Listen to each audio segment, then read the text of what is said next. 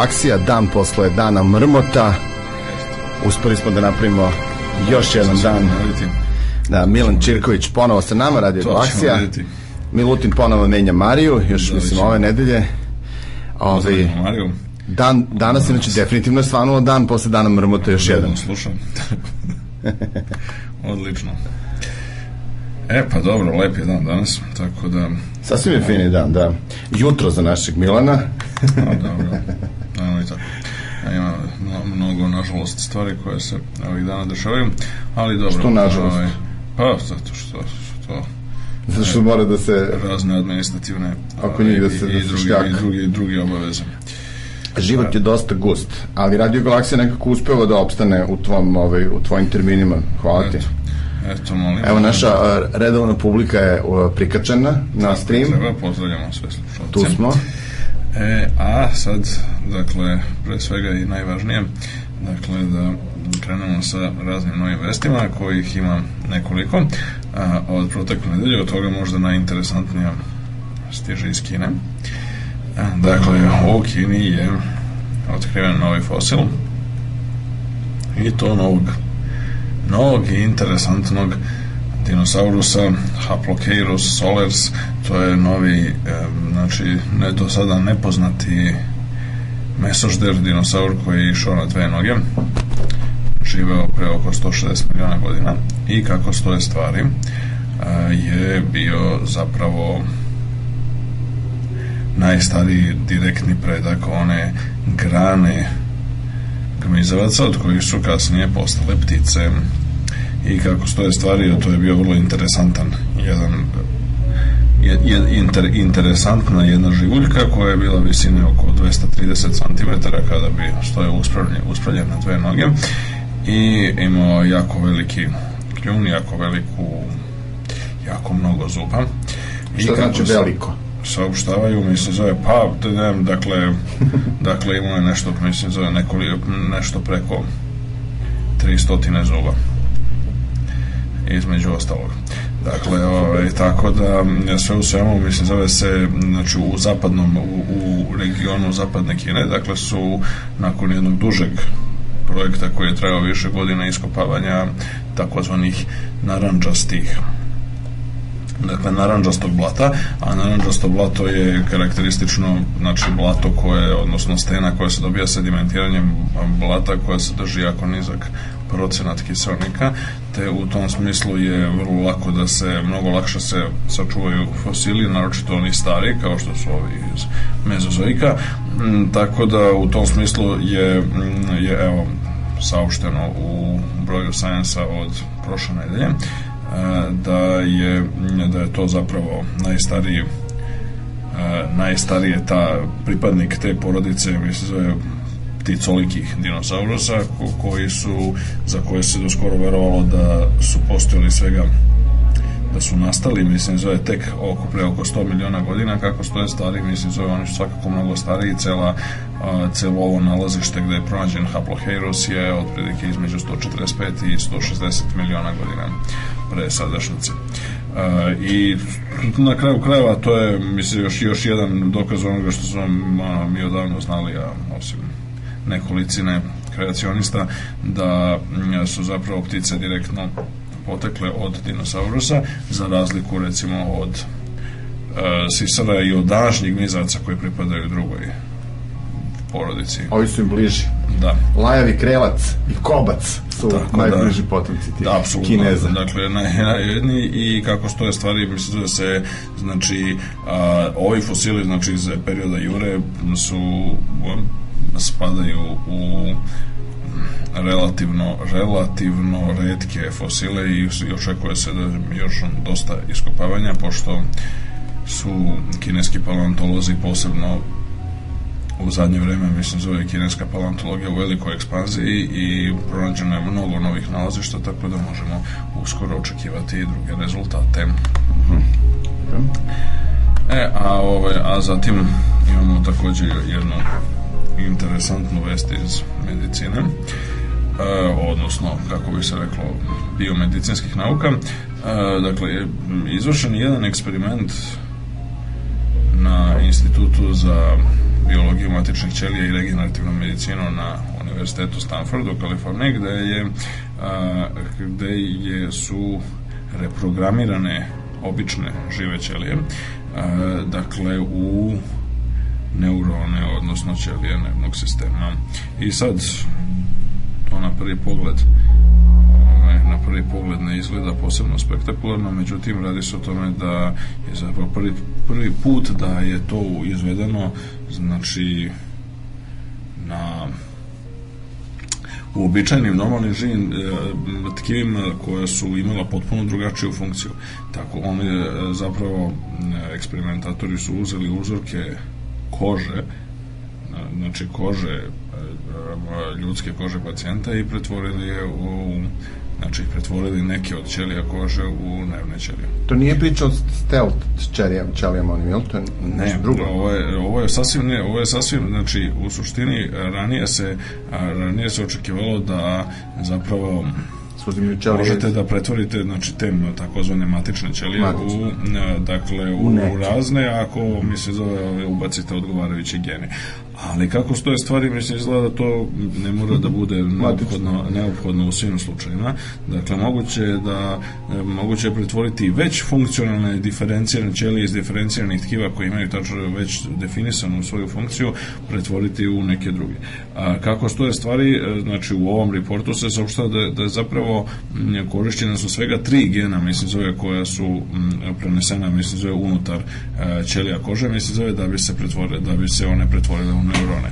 I kako saopštava doktor Irving Weissman koji je rukovodila s tog tima, radi se o potpuno funkcionalnim neuronima, znači oni mogu da rade iste one stvari koje rade neuroni u mozgu ili u nervnim vlaknima ili u um, ljudskoj mrežnjači ili gde god već se nalaze neuroni. To je dosta neobično, pošto to, to kako dobro razumem, to je nešto što se u prirodi ne dešava, znači to nije apsolutno, sada... Apsolutno, to se u prirodi ne dešava, mislim, i o, ovaj, radi se o tome da zapravo to pokazuje, pokazuje zapravo u kojoj meri je biotehnologija uznapredovala i da, da je moguće da, da zapravo se zapravo mislim izvršiti mislim, intervencije mnogo mnogo kasnije nego što se i mnogo brže nego što se obično smatralo.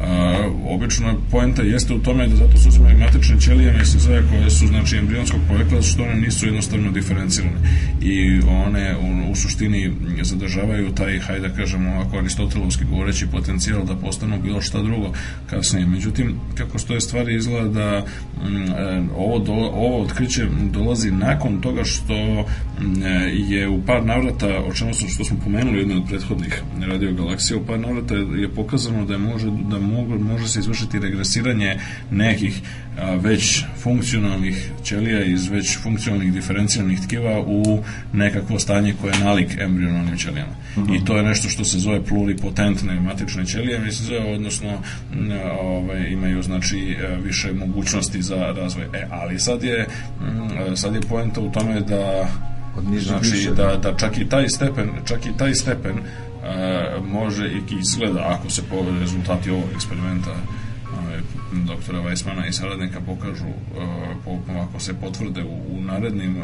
studijama onda se onda je jasno da zapravo može da se preskoči čak i taj korak mislim znači može da se znači mogu da se bilo koje ćelije tkiva praktično pretvore u bilo koje druge. Mislim, zove samo ukoliko imate odgovarajući, hajde da kažemo tako, genski recept. I zapravo, mislim, da potencijali ovoga, kao što sami istraživači kažu, to je bilo sasvim prilično neočekivano, zato što ono je to jedna od onih stvari koje, koje su malo verovatne, mislim, da a, a Te prosto ne bi čovjek ni probao to da uradi toliko. Ne, i, ove, ovaj, I sad kako stoje stvari, evo kako su neki drugi komentatori saopštili, to može da, da, da pruži velike velike perspektive u recimo Pa upravo, na primer, u lečenju nervnih, mislim, znači raznih poremećaja bolesti i povreda nervnog sistema, zato što, mislim, zove kao što je poznato kada u nervnom sistemu kada dođe do ili do moždanog udara ili do neke slične, mislim, ili do neke teške povrede, mislim, ili tako dalje, onda a, dolazi do neuroni bivaju oštećeni ili uništeni, a sa druge strane dolazi do nagle produkcije, preterane produkcije nervnih ćelija koje su znači koje se nazivaju glijalne ćelije koje ne mogu da vrše funkciju neurona. A to je ono belo tkivo za razliku od sivog mislim je koje je neuronsko. A međutim ukoliko bi ovom procedurom ili nekom sličnom mislim mogle da se mogle te bele ćelije da se pretvore u sive odnosno da se pretvore u neurone onda bi to omogućilo da se vrlo brzo saniraju posledice recimo moždanih udara i sličnih, sličnih stvari Tako da Moguće je primeniti da vidimo... staru srpsku uh, foru seci uši, krpi dupe to je. A jeste, da, da otprilike tako nekako. Znaš li već otkuda ta uzrečica ove Zaista seci ne. uši? Zato što uh, nekad su ljudi nosili jahače pantalone koje se smatraju za deo nošnje, to su stvari one Aha, okay. pantalone koje imaju da može se uvuku čizme dole, a onda gore imaju ono što se, e sad to što se proširi iznad kolena, to se zove uši. Aha, I onda kada se, kad si u ratu, dobro, pa ti se, dobro. obično ti se od sedla ove prvo dupe pocepa, onda se skrati, skrati se uši pa se krpi dupe. Eto. Ali mogu da ti samo nešto pitam, Milane, da bi, da, oko, oko čitave te tehnologije sad ovoga, tih vesti, znaš, kada takvu vest ti sad nama pročitaš, gledano unazad, kako to u stvari funkcioniše? Šta se to znači naučnici na, na tom i tom institutu su? Koliko je vremena tad proteklo? Koliko je to pouzdano? Kakvu tu vrstu filtera prolazi? Možeš ne, nešto da mi kažeš načelno o, o, od, znaš, sad, mi, mi smo sada čuli tu vest koju si ti rekao. Šta se to u stvari nama znači? Mi tu uzimamo zdravo za gotovo, pa, dobro, koliko da tu ne, ostavlja... Ali, ruku pah, kao što ništa drugo ne treba uzimati zdravo za gotovo na kraju krajeva, mislim, zove suština i jeste razvijanje kritičkog duha, tako da, tako da u nemanju ruku Zato mislim, zove da zainteresuje, da zainteresuje da, da, da se sami raspitaju, pogledaju i ovaj, utvrde o čemu se zove. A šta misliš ti, na primjer, iz ove vesti, koliko da stoji otprilike, kako to pa izgleda? Pa slušaj, oni su ovaj, otvoreno govoreći, mislim, sve radi se, s obzirom na to koliko su ogromna, ne, ne, ovo su, ovo su sve, mislim, zove novoobljene rezultati koji su, jeli, ovaj, bukvalno prošle nedelje, tako da zato ih i biramo. A, ovaj, a, a ono što je poenta jeste da, znači, sad, zavisnosti od toga o čemu se radi, mislim, zove kakva je, kakva je vrsta, mislim, zove vesti, ono, ne možemo bez uvida u sam kontekst da razumemo do kad je, kad je do toga zaista došlo. Neke stvari kao što su ove iz biomedicinskih nauka koje, u koje su vezane za ogromna ulaganja i takođe podjednako velika očekivanja su zaista saopštavaju vam brzo i one najčešće dolaze u štampu čak i pre nego što dolaze u, u mislim medije mm -hmm. ajde, u kažemo, ovaj, čak i pre nego što se mislim zove objave ovaj, u a i tako da kažemo ozbiljnim istraživačkim recenziranim glasilima.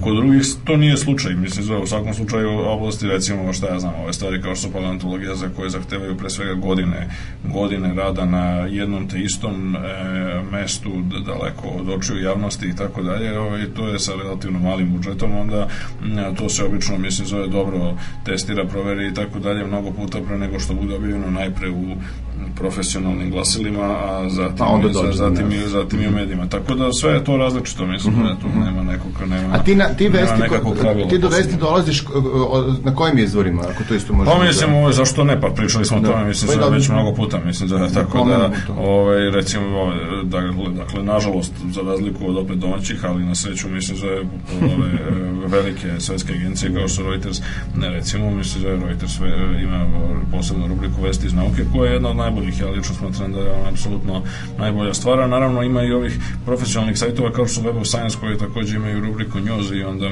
tamo mislim zove može takođe svašta da se pronađe i mislim Hvala. Ima, ima razli, različitih, različitih izvora. U svakom slučaju, što bi rekli, ovaj, što bi rekli u Bibliji, tražite i naći ćete.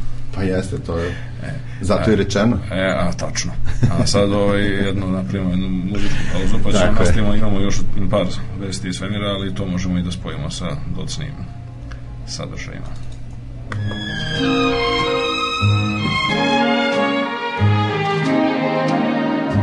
It was fascination,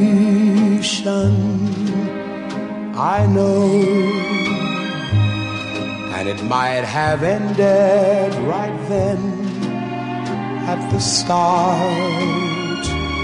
Just a passing glance, just a brief romance, and I might have gone my way empty hearted. It was fascination, I know seeing you alone with the moonlight above. Then I touch your hand, and next moment I kiss you. Fascination turned to love.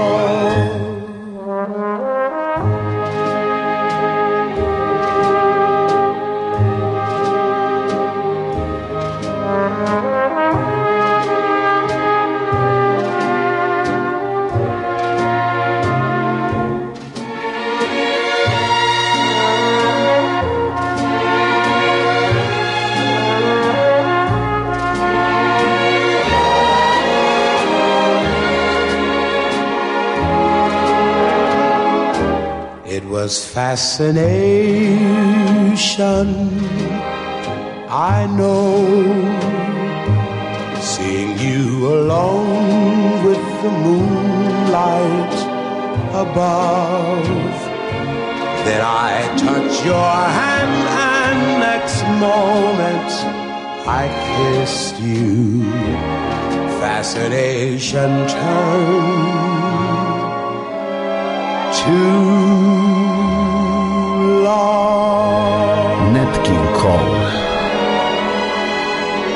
nazad u Radio Galaksiji. Milan Čirković, dan posle dana mrmota. Umesto da se ovakvim stvarima, vestima i obrazovanjem širokih narodnih masa bavi, na primjer, javni servis svakog dana po nekoliko sati, mi imamo situaciju da gledamo ovaj, svadbe i te stvari, a Milan u našem uskom elitnom društvu priča o ovakvim stvarima, ali dobro, počevši na ovaj način. ali o tom potom. Da.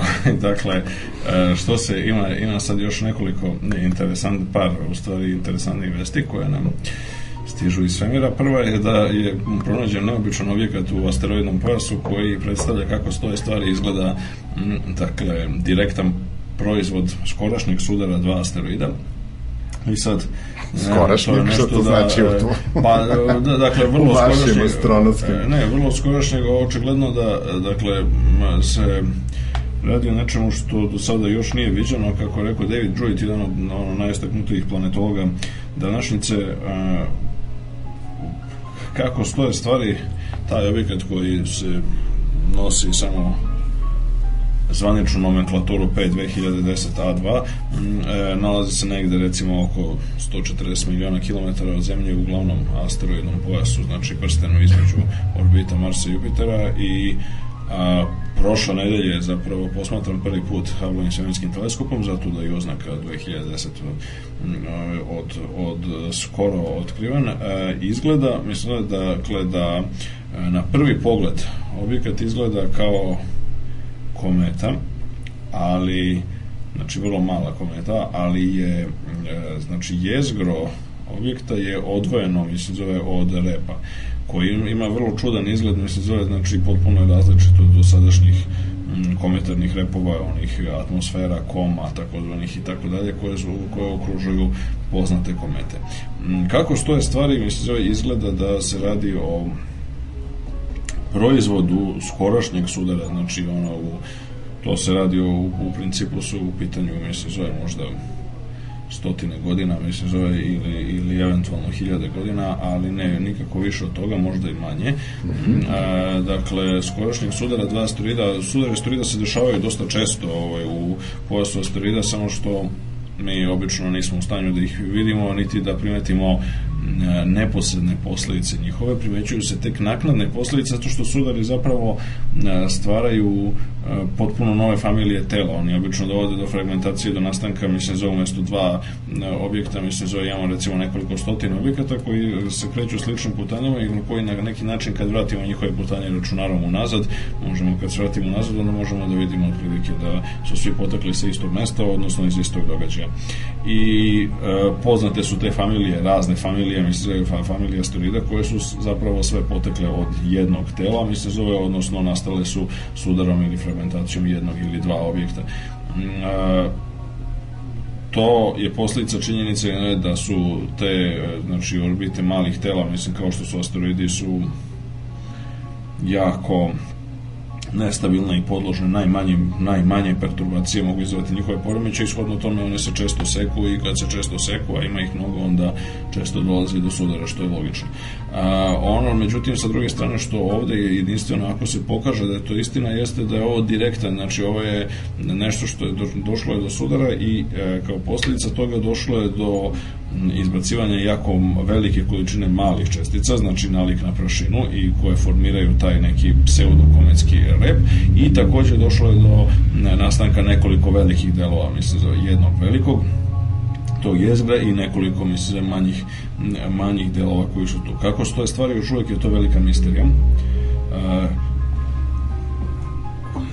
šta se tačno desilo, ali je, ali je poenta jeste da zapravo sad imamo na neki način kako stoje stvari, mislim, to je verovatno prvi e, primer ne, veoma rane faze koja nastaje nakon sudara što ranije nije moglo da bude posmetno.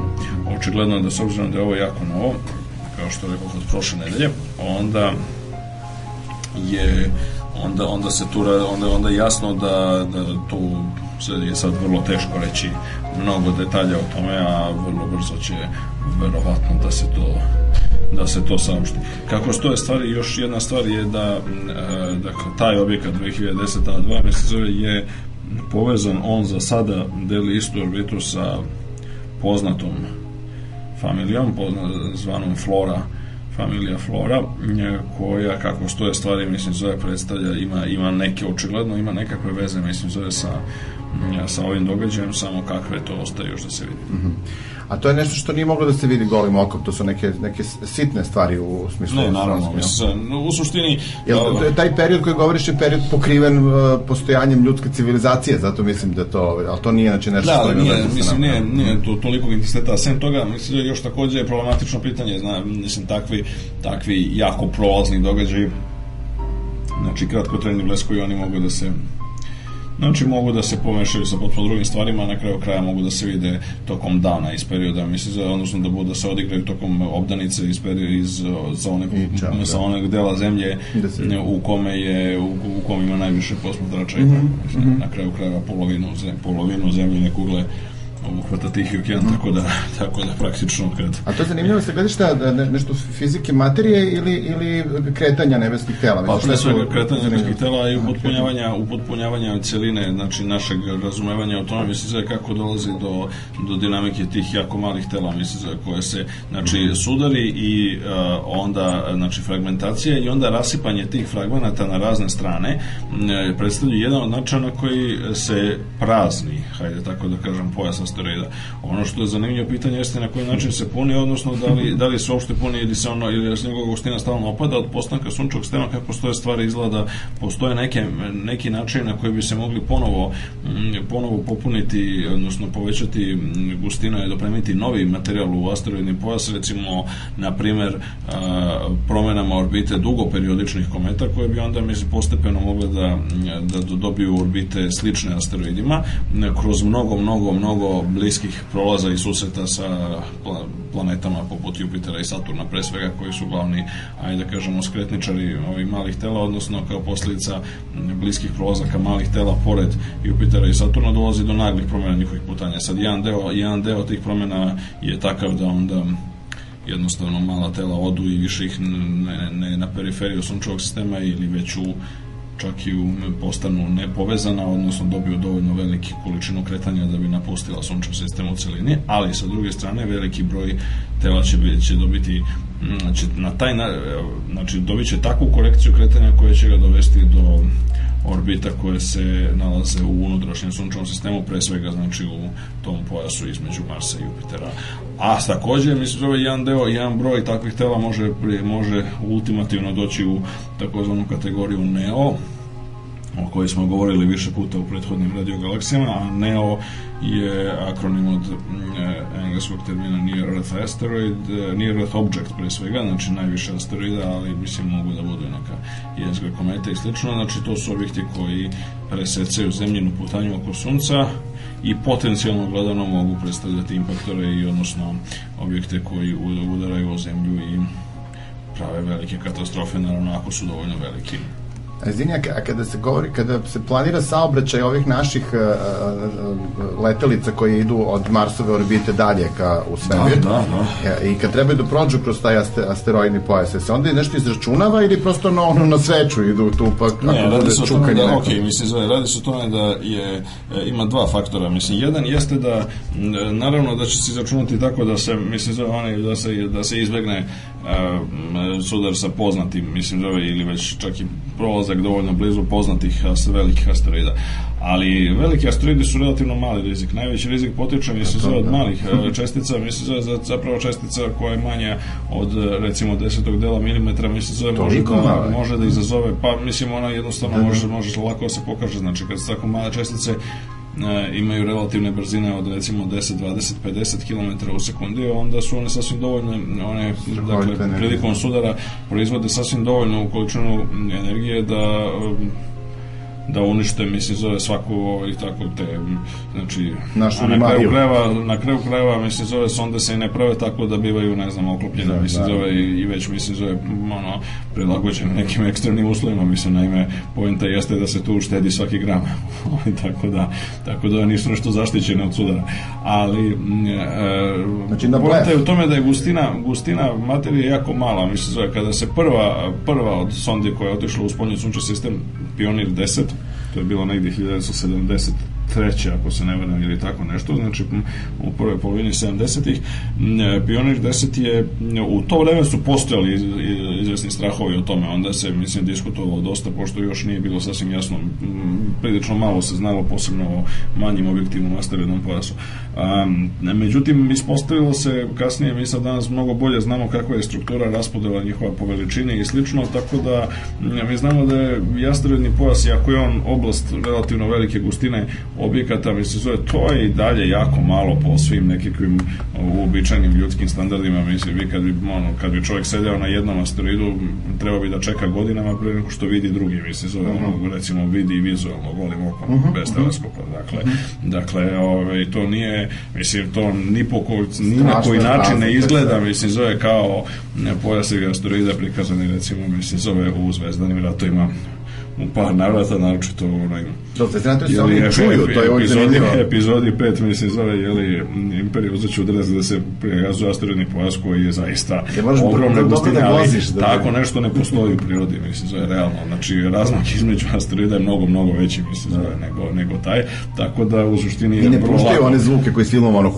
Ne, nikako ne puštaju zvuke, pošto se zvuci generalno ne prostiru kroz međuplanetarni prostor ili vakum, tako da koji je vakum gotovo potpun. Nije potpuno, to ćemo sad to je. u nastavku emisije pričamo da pravo iz toga se dešava svašta, ali je za zemaljske e, potrebe vakum i zvuk se jednostavno ne prenosi bar ne ovaj zvuk koji bi ljudi mogli da čuju. Mm ne znači da ne postoje neke druge mehanički talasi koji se prenose, koji se zove, ali to su talasi recimo, recimo veoma ekstremno niskih frekvencija, daleko mislim zove daleko od bilo čega što bi ljudi mogli da čuju, tako da u tom kontekstu je onako, znači popularna predstava o asteroidima je onako nije baš realistična. Nije to, da. Ali to ne znači naravno da su oni da oni nisu jako bitni za nas, kao što rekao, između ostalog, dakle, impaktori kao što je onaj koji je udario zemlju pre 65 miliona godina i izazvao izumiranje dinosaura, kao što je onaj koji je udario 1908. godine u zapadni Sibir a, i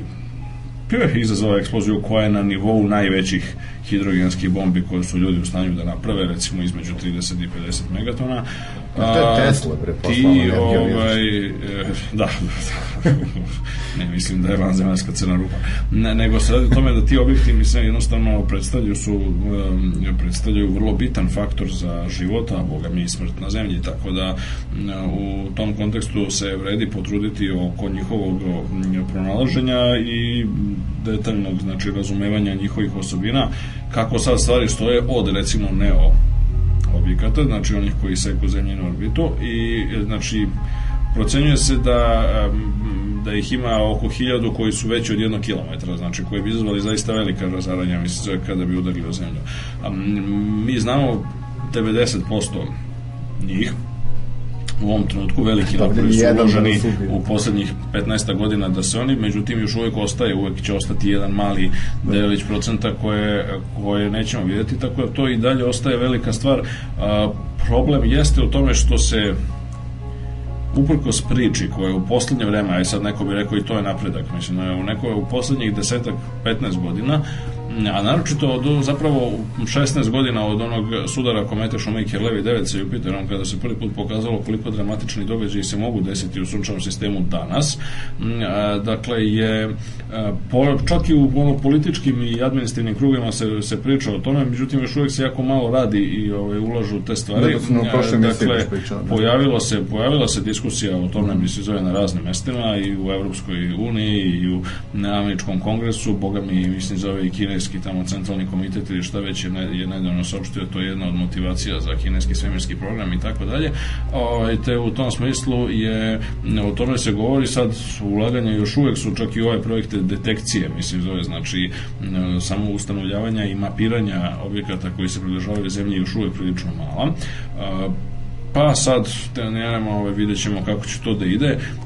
Postoje razne diskusije oko toga u kojoj meri E, i na koji način treba pristupiti celom projektu, znači prvo detekcija predviđanja mogućih sudara, a zatim i eventualnog izbjegavanja njihovog, odnosno sprečavanja da do toga dođe. Ima raznih ideja o tome, ali o tom detaljnije nekom drugom prilikom. A reci mi samo još jednu stvar, od, od, te male čestice, te što kažeš 10 mikrometeoriti, tako evo, on, do sad nije zabeležen slučaj da je ona ne, nešto oštetila ozbiljno neku letelicu. E, ne, zabeležen je slučaj, ne, naravno da se dolazilo do toga posebno u među kod satelita u orbiti oko zemlje, ne, pa to se zove, da, naravno, već, dolazi do, do, da, Imamo da, dolazi do oštećenja, da, da, mm -hmm. mislim, zove, to je sigurno. Pa mislim, u krajnjoj instanci, sad teško je dokazati da je to baš uvek tako, ali m, a, postoje, ne postoji nekoliko, mislim, zove dobro dokumentovanih događaja, čak i ovaj, zapravo, čak i neka oštećenja, mislim, zove na koja su neka oštećenja koja su otkrivena na svemirskim brodima sa ljudskom posadom zapravo su sigurno posledica ono, sudara sa, sa mikrometeoritima. To je, mislim, rizik koji postoji. Sad, nije on jako veliki, mislim, zove to u suštini već stvari koje su uh, već letelice sa ljudskom postavom su daleko čvršće po tom pitanju i zapravo ekstremno mali, ekstremno mala zrnca prašine mi se zove ne mogu da ih oštete u toj meri zato da se postavljaju, razni, neko, postavljaju se razni ablacioni štitovi i slično mm. mi se zove da bi se, da bi se to sprečilo e, generalno gledamo to se može mi se zove on, može se sprečiti e, te ekstremno male čestice ali, ali one jesu faktor mi se zove s kojim treba računati to, mm -hmm. bez daljnjeg da. Ok. I imamo još, mislim, baš vezano za to, zapravo, mislim, imamo jednu onako političko, mislim, zove svemirsku vest. E, kako stoje stvari u, u juče, dakle u utorak? Srbija nema pretenzije na teritorije na Marsu. E, da, dobro, to bez daljnjeg, ovaj, ali u utorak, ovaj, znači, 2. februara, to jest juče, je, e, znači, Američka svemirska agencija NASA je dodelila nekih 50 miliona dolara u grantovima e, za pet privatnih firme i kompanija u okviru kao prvi korak u implementiranju novog, hajde da kažemo tako, mislim, zove strateškog plana koji je E, administracija predsjednika Obame sugerisala da predstavlja najbolji zapravo način da se jedan dobar deo e,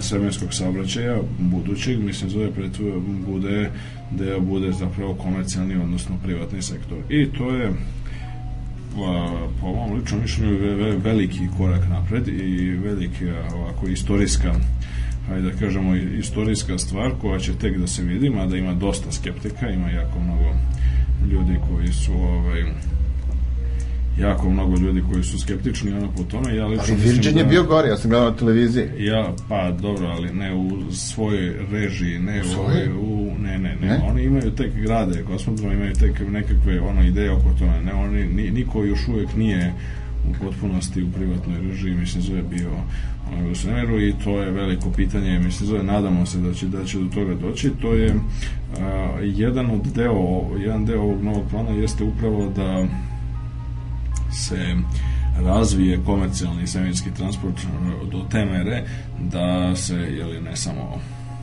stvore, otvore, otvore novi, nova radna mesta, mislim zove da se spuste cene i tako dalje, već da se generalno podstakne privatna inicijativa. privatna inicijativa investicije mi se zove u to. I sad po meni to je apsolutno krajnje vreme bilo da, da, da se počne sa tim zato što se pokazuje funkcionisanje nase generalno kao i funkcionisanje drugih sestrinskih svemirskih agencija drugde, mi se zove u Evropskoj uniji, ESA, ova, Ruska svemirska agencija koja sad da on ima neku novu skraćenicu koju, ne, a no, ove razne druge stvari, znači to su masivni dinosauruski birokratski sistemi koji jednostavno mislim zove su jako, jako mislim zove inertni i jako nesposobni za nove i, i originalne stvari. I to se pokazalo mnogo puta. Najspektakularnije se naravno pokazalo na najvećom promašaju, mislim zove u istoriji svemirskih letova sa ljudskom posadama, to je Space Shuttle dakle, koji je ceo kao koncept se pokazao kao katastrofalan promašaj, mislim zove iz mnogo razloga. Dakle, ispostavilo se na kraju da originalna, originalna, uh, originalna tvrdnja u originalnom planu i nacrtu za Space Shuttle koji je već otprilike otprilike zatvoren i više niko ne može ga pronaći. Mislim, zove nakon ono 30 i nešto godina je bio da će cena pojedinačnog leta, mislim, zove shuttle biti recimo ispod 50 miliona dolara, ispostavilo se da je cena pojedinačnog leta negde oko 500 miliona, mislim zove recimo, i da je pritom, mislim zove e, nivo, relativni nivo bezbednosti s obzirom na gubitak, mislim zove dva šatla, mislim zove od, od, od pet, mislim zove katastrofalan, kao što je neko izračunao da ne daj Bože, mislim zove komercijalni avionski saobraćaj, mislim zove ima, pošto se govorilo o tome da je Space Shuttle biti kao svemirski avion, znači da će biti potpuno normalno, normalno, bezbedno i tako dalje, dalje, mislim, zove neko izračunao da bi samo na aerodromu Hitrovu bi se dešavale dve avionske nesreće dnevno, mislim, zove kada bi, kada ne da komercijalna avijacija bila bezbedna kao Space Shuttle. Te u tom kontekstu mislim da ceo taj program koji je bio mislim zove lansiran pod tim krinkom mislim zove državnog nacionalnog interesa velikih stvari veli, vel, mislim zove velikih ovaj ono obećanja i velikih najava i sa ne znam koliko stotine hiljada ono zaposlenih ljudi i tako dalje je u suštini veliki fijasko iz koga se sad gleda da se izvuče kako se mu god može. Evo sad još malo i niko nije kriv i zadnje s tim stvarima. A, Dok u privatnom se zna, ovaj, tako zna, e, upravo, pare, to, čao. upravo to. I sad kako stoje stvari, mislim da dakle, dakle to je isti mislim to je na kraju krajeva to smo već videli u ljudskoj istoriji.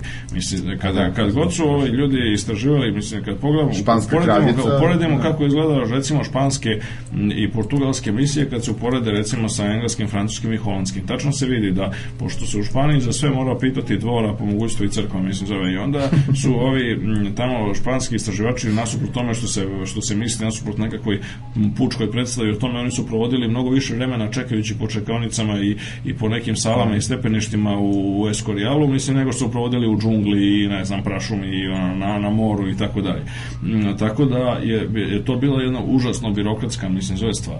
Sa druge strane recimo Velika Britanija je odmah osnovala, mi se zove kompanije, znači istočno indijsku kompaniju, zapadno indijsku i tako dalje, gde je svaki građanin, mislim, zove Velike Britanije, svaki ono, otprilike zanatlija, zove svaki trgovac, kogod već mogao da investira, da. mogao da učestvuje, mislim, zove da, znači, u, u, procesu, mislim, zove o, kolonizacije drugih, mislim, zove kontinenta, mislim, zove i tako što bi on uložio nešto u kompaniju, sedeo kod kuće, mislim, zove mirno, a onda se to dešavalo znači a opet ne može da se kaže inicijativu. Ne može da se kaže da je, da je, da je činjenica da je ovo radila organizovana država sa sve crkvom doprinelo kvalitetu uh, duhovnom tih uh, njihovih misija baš obrnuto, jer oni su popili isto toliko ljudi koliko i privatni. E sad ovaj mnogo više mislim. Ili više. Mnogo da. više. Pa mislim na kraju krajeva država i crkva su opasnije od kompanija. Da, apsolutno, daleko, daleko, daleko. I tu nema Pa to mislim može se prenesti na svemir, jel? Ovaj E sad, naravno, mislim, tim što, mislim, u svemiru je stvar, bi se zove mnogo lakša, pošto nema tih nekih etičkih problema, mislim, u svemiru Pa dok nema, ne nađemo na indijance. Ne, to, to, to, to dugo ne, nećemo. To u, vrlo dugo, bar ne, mislim, zove te vrste, mislim, zove, to jest ne one u sunčanom sistemu, to sasvim sigurno, mislim, zove da nećemo, dakle, to je pitanje, mislim, zove... Nećemo imati koga da ubijemo u, narednih hiljadu godina, narednih hiljadu godina, mislim, zove neće biti relevantno, sasvim sigurno. Ove, ovaj, za kasnije ne znam, ali s narednih hiljadu godina potpuno sam spreman da, da, da se kladim da nema nikakve, nema, nema nikakve opasnosti te vrste. Sa druge strane, resursi, svemirski resursi su potencijalno gledam daleko, daleko veći, naravno, mislim, zove nego što su resursi drugih kontinenta i ne samo to, nego oni više ne predstavljaju neku vrstu luksuza kako je to bilo u ranijim epohama, ne predstavljaju sad nužnost, to kao što kaže, kao što smo više puta govorili u prethodnim radiogalaksijama, dakle, ljudi će ili koristiti svemirske resurse ili iščeznuti. I tu uopšte nema, mislim, zove, nema, ne da. postoji treći put, mislim. Dakle, da. sve priče, mislim, zove bulaženja tipa povratak prirodi i tako dalje, to je nemoguće jednostavno. Ili je nemoguće bez, bez da nestane, ne, ili je nemoguće bez da nestane 95 ili 99% ljudi, mislim, zove što bi neki mnogi među nama zaključili da je etički neprihvatljivo. Tako da u tom kontekstu je u tom kontekstu se radi o tome da nasuprot onome što se uobičajeno i konvencionalno i potpuno glupavo sugeriše, a to je da E, svemirski program neka vrsta eto tako luksuza mislim zove i za ono dokone bogate zemlje. Nasuprot tome to je pitanje ekološki zove. prioritet mislim. Ja, i, i pitanje sve istraživanja svemira uopšte nije mislim zove naučno pitanje to je pre svega ekološko pitanje mislim zove koje se tiče resursa koji su apsolutno neophodni za opstanak čovečanstva. E, i kako stoje stvari, znači e, privatna inicijativa bi zaista, mislim, je vrlo tu dobro došla i sad pored tih stvari kao što je Velžinov kraj kosmodrom koji, koji se gradi u New Mexico, o čemu smo takođe pričali u jednoj od prethodnih radiogalaksija. Ovaj sad program e, novog administratora Charlesa Boldena, koga je Obamina administracija postavila za šefa NASA, je, e, znači, a, ovaj novi program je, je između ostalog znači namenjen time da se na svaki način podstakne i sugeriše da se daju bukvalno subvencije e, privatnim firmama da se posvete istraživanju svemira, pre svega mislim zove letovima sa uh, ljudskom posadom. I sad kako stoje stvari ovih pet kompanija, mislim zove među kojima je i recimo postoji ovako jedna jedna ovaj dosta poznata, a to je Boeing, a ove druge su mislim relativno manje kompanije kao što su Blue Origin, onda ne znam Paragon Space Development iz Tucsona u Arizoni i, i United Launch Alliance Centennial Co i tako dalje su dobile relativno male grantove za takve stvari znači između 1,5 i 20 miliona, ukupno oko 50 miliona, međutim to treba predstaviti samo početak cele priče. E, tako da tako da se ovaj na taj način mislim zove podstaknu podstaknu dalje projekti. E sad ono što je bitno jeste da to znači je na neki način isključuje onako vrstu masivnih nacionalnih e, projekata i onu, onu vrstu mamu, mamutskih ideja kao što je bio projekat Apollo i let na mesec. Tako da nije čudo da paralelno sa ovime zapravo je na neki način, mislim, zove u, u pozadinu i u drugi plan je, je, je stavljena ideja koja je bila aktualna za vreme prethodne, mislim da duša ne pretarano ozbiljno, ali koristila se u demagoške svrhe za vreme Bušove administracije o izgradnji nove stalne baze na mesecu. A, kako stoje stvari bez nekakvog drastičnog napretka novim materijalima, ne, e, gradnje, ta ideja da se izgradi nova stalno, stalno nastanjena stanica na mesecu je, mislim, bi bila samo jedan ogroman prilično nerealni sifon ono, troškova, a ne bi ni na koji način mogla da opravda svoje postojanje. Sa druge strane, postoje druge stvari kao što su recimo asteroidi, upravo već pomenuti, koji predstavljaju daleko veću perspektivu sa stanovišta Rude, pre svega rudnih, ovaj, rudnih resursa, nego što je mesec koji je jako siromašan u suštini. Mislim, na mesecu ima nešto malo lakih metala, a uglavnom je tamo silicijum i kisonik, to je su onaj pesak koji možemo na vremene zemlji koliko god ho želimo, a inače ima vrlo malo stvari ono, korisnih na mesecu. Mm -hmm A orbita, da li može biti sama činjenica da se orbiti? Da, ne, u orbiti, mislim da se treba u orbiti, da, u, svakako, i to je ono što se, na čemu se radi na međunarodnoj svemirskoj stanici ovoj Alfa, ISS, mislim zove, gde se e, zapravo između ostalog ispituje e, mogućnost proizvodnje novih materijala u uslovima besredskog stanja, u uslovima niskog pritiska, odnosno visokog vakuma i drugim stvarima koje su relevantne. Jedan deo industrije svakako, mislim, zove bi iz razno raznih razloga, što ekoloških, mislim, zove što povećanja efikasnosti, mislim, zove ultimativno trebalo da se preseli u orbitu oko zemlje. Kad će to biti, ostaje da se vidi, ali u svakom slučaju su to stvari koje su od našeg dugoročnog interesa. Ok, jel ja da čekam da pređemo na glavnu temu, tako? Možemo sada malo muzike, pa onda da, ovaj, da idemo na to.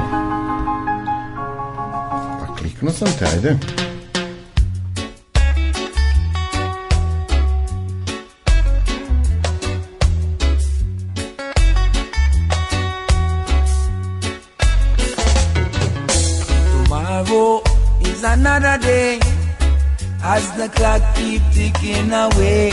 Time is so precious, and so I say, tomorrow is another day. As the clock keep ticking away, time is so precious, and so I say, wake up to meet the rising sun. Get on your feet, don't be no slow, rolling stone. Gather no mass, you move too slow, you will pay the cost. Hear me when I say, when I say, tomorrow is another day.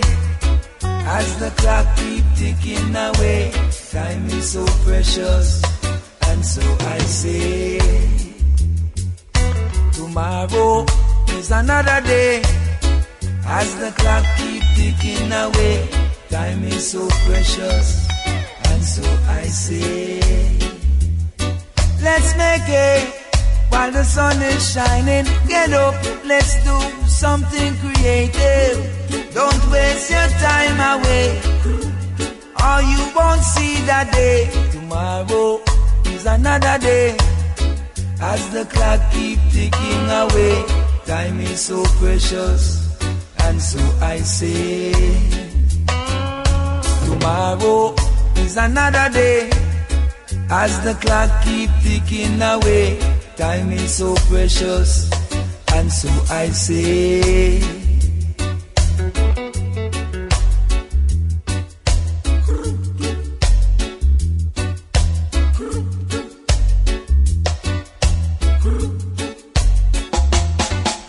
wake up to meet the rising sun. Get on your feet, don't be no slum. Rolling stone, gather no moss. You move too slow, you'll pay the cost. Another day. As the clock keep ticking away, time is so precious. And so I say, tomorrow is another day. As the clock keep ticking away, time is so precious, and so I say.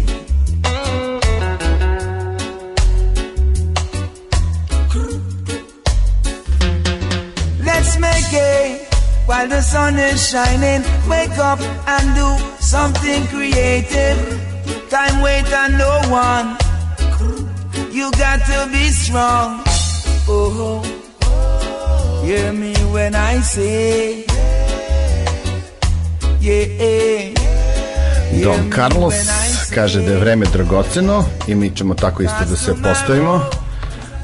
Don Čirić, Čirković je ovde sad sa nama, kao i svake srede, i, i prelazimo na glavnu temu, to je jedna dosta uslovna stvar, ovaj, uslovna upotreba reči koja se zove rađanje i smrt, pošto se radi o rađanju uh, rađanju i smrti zvezda.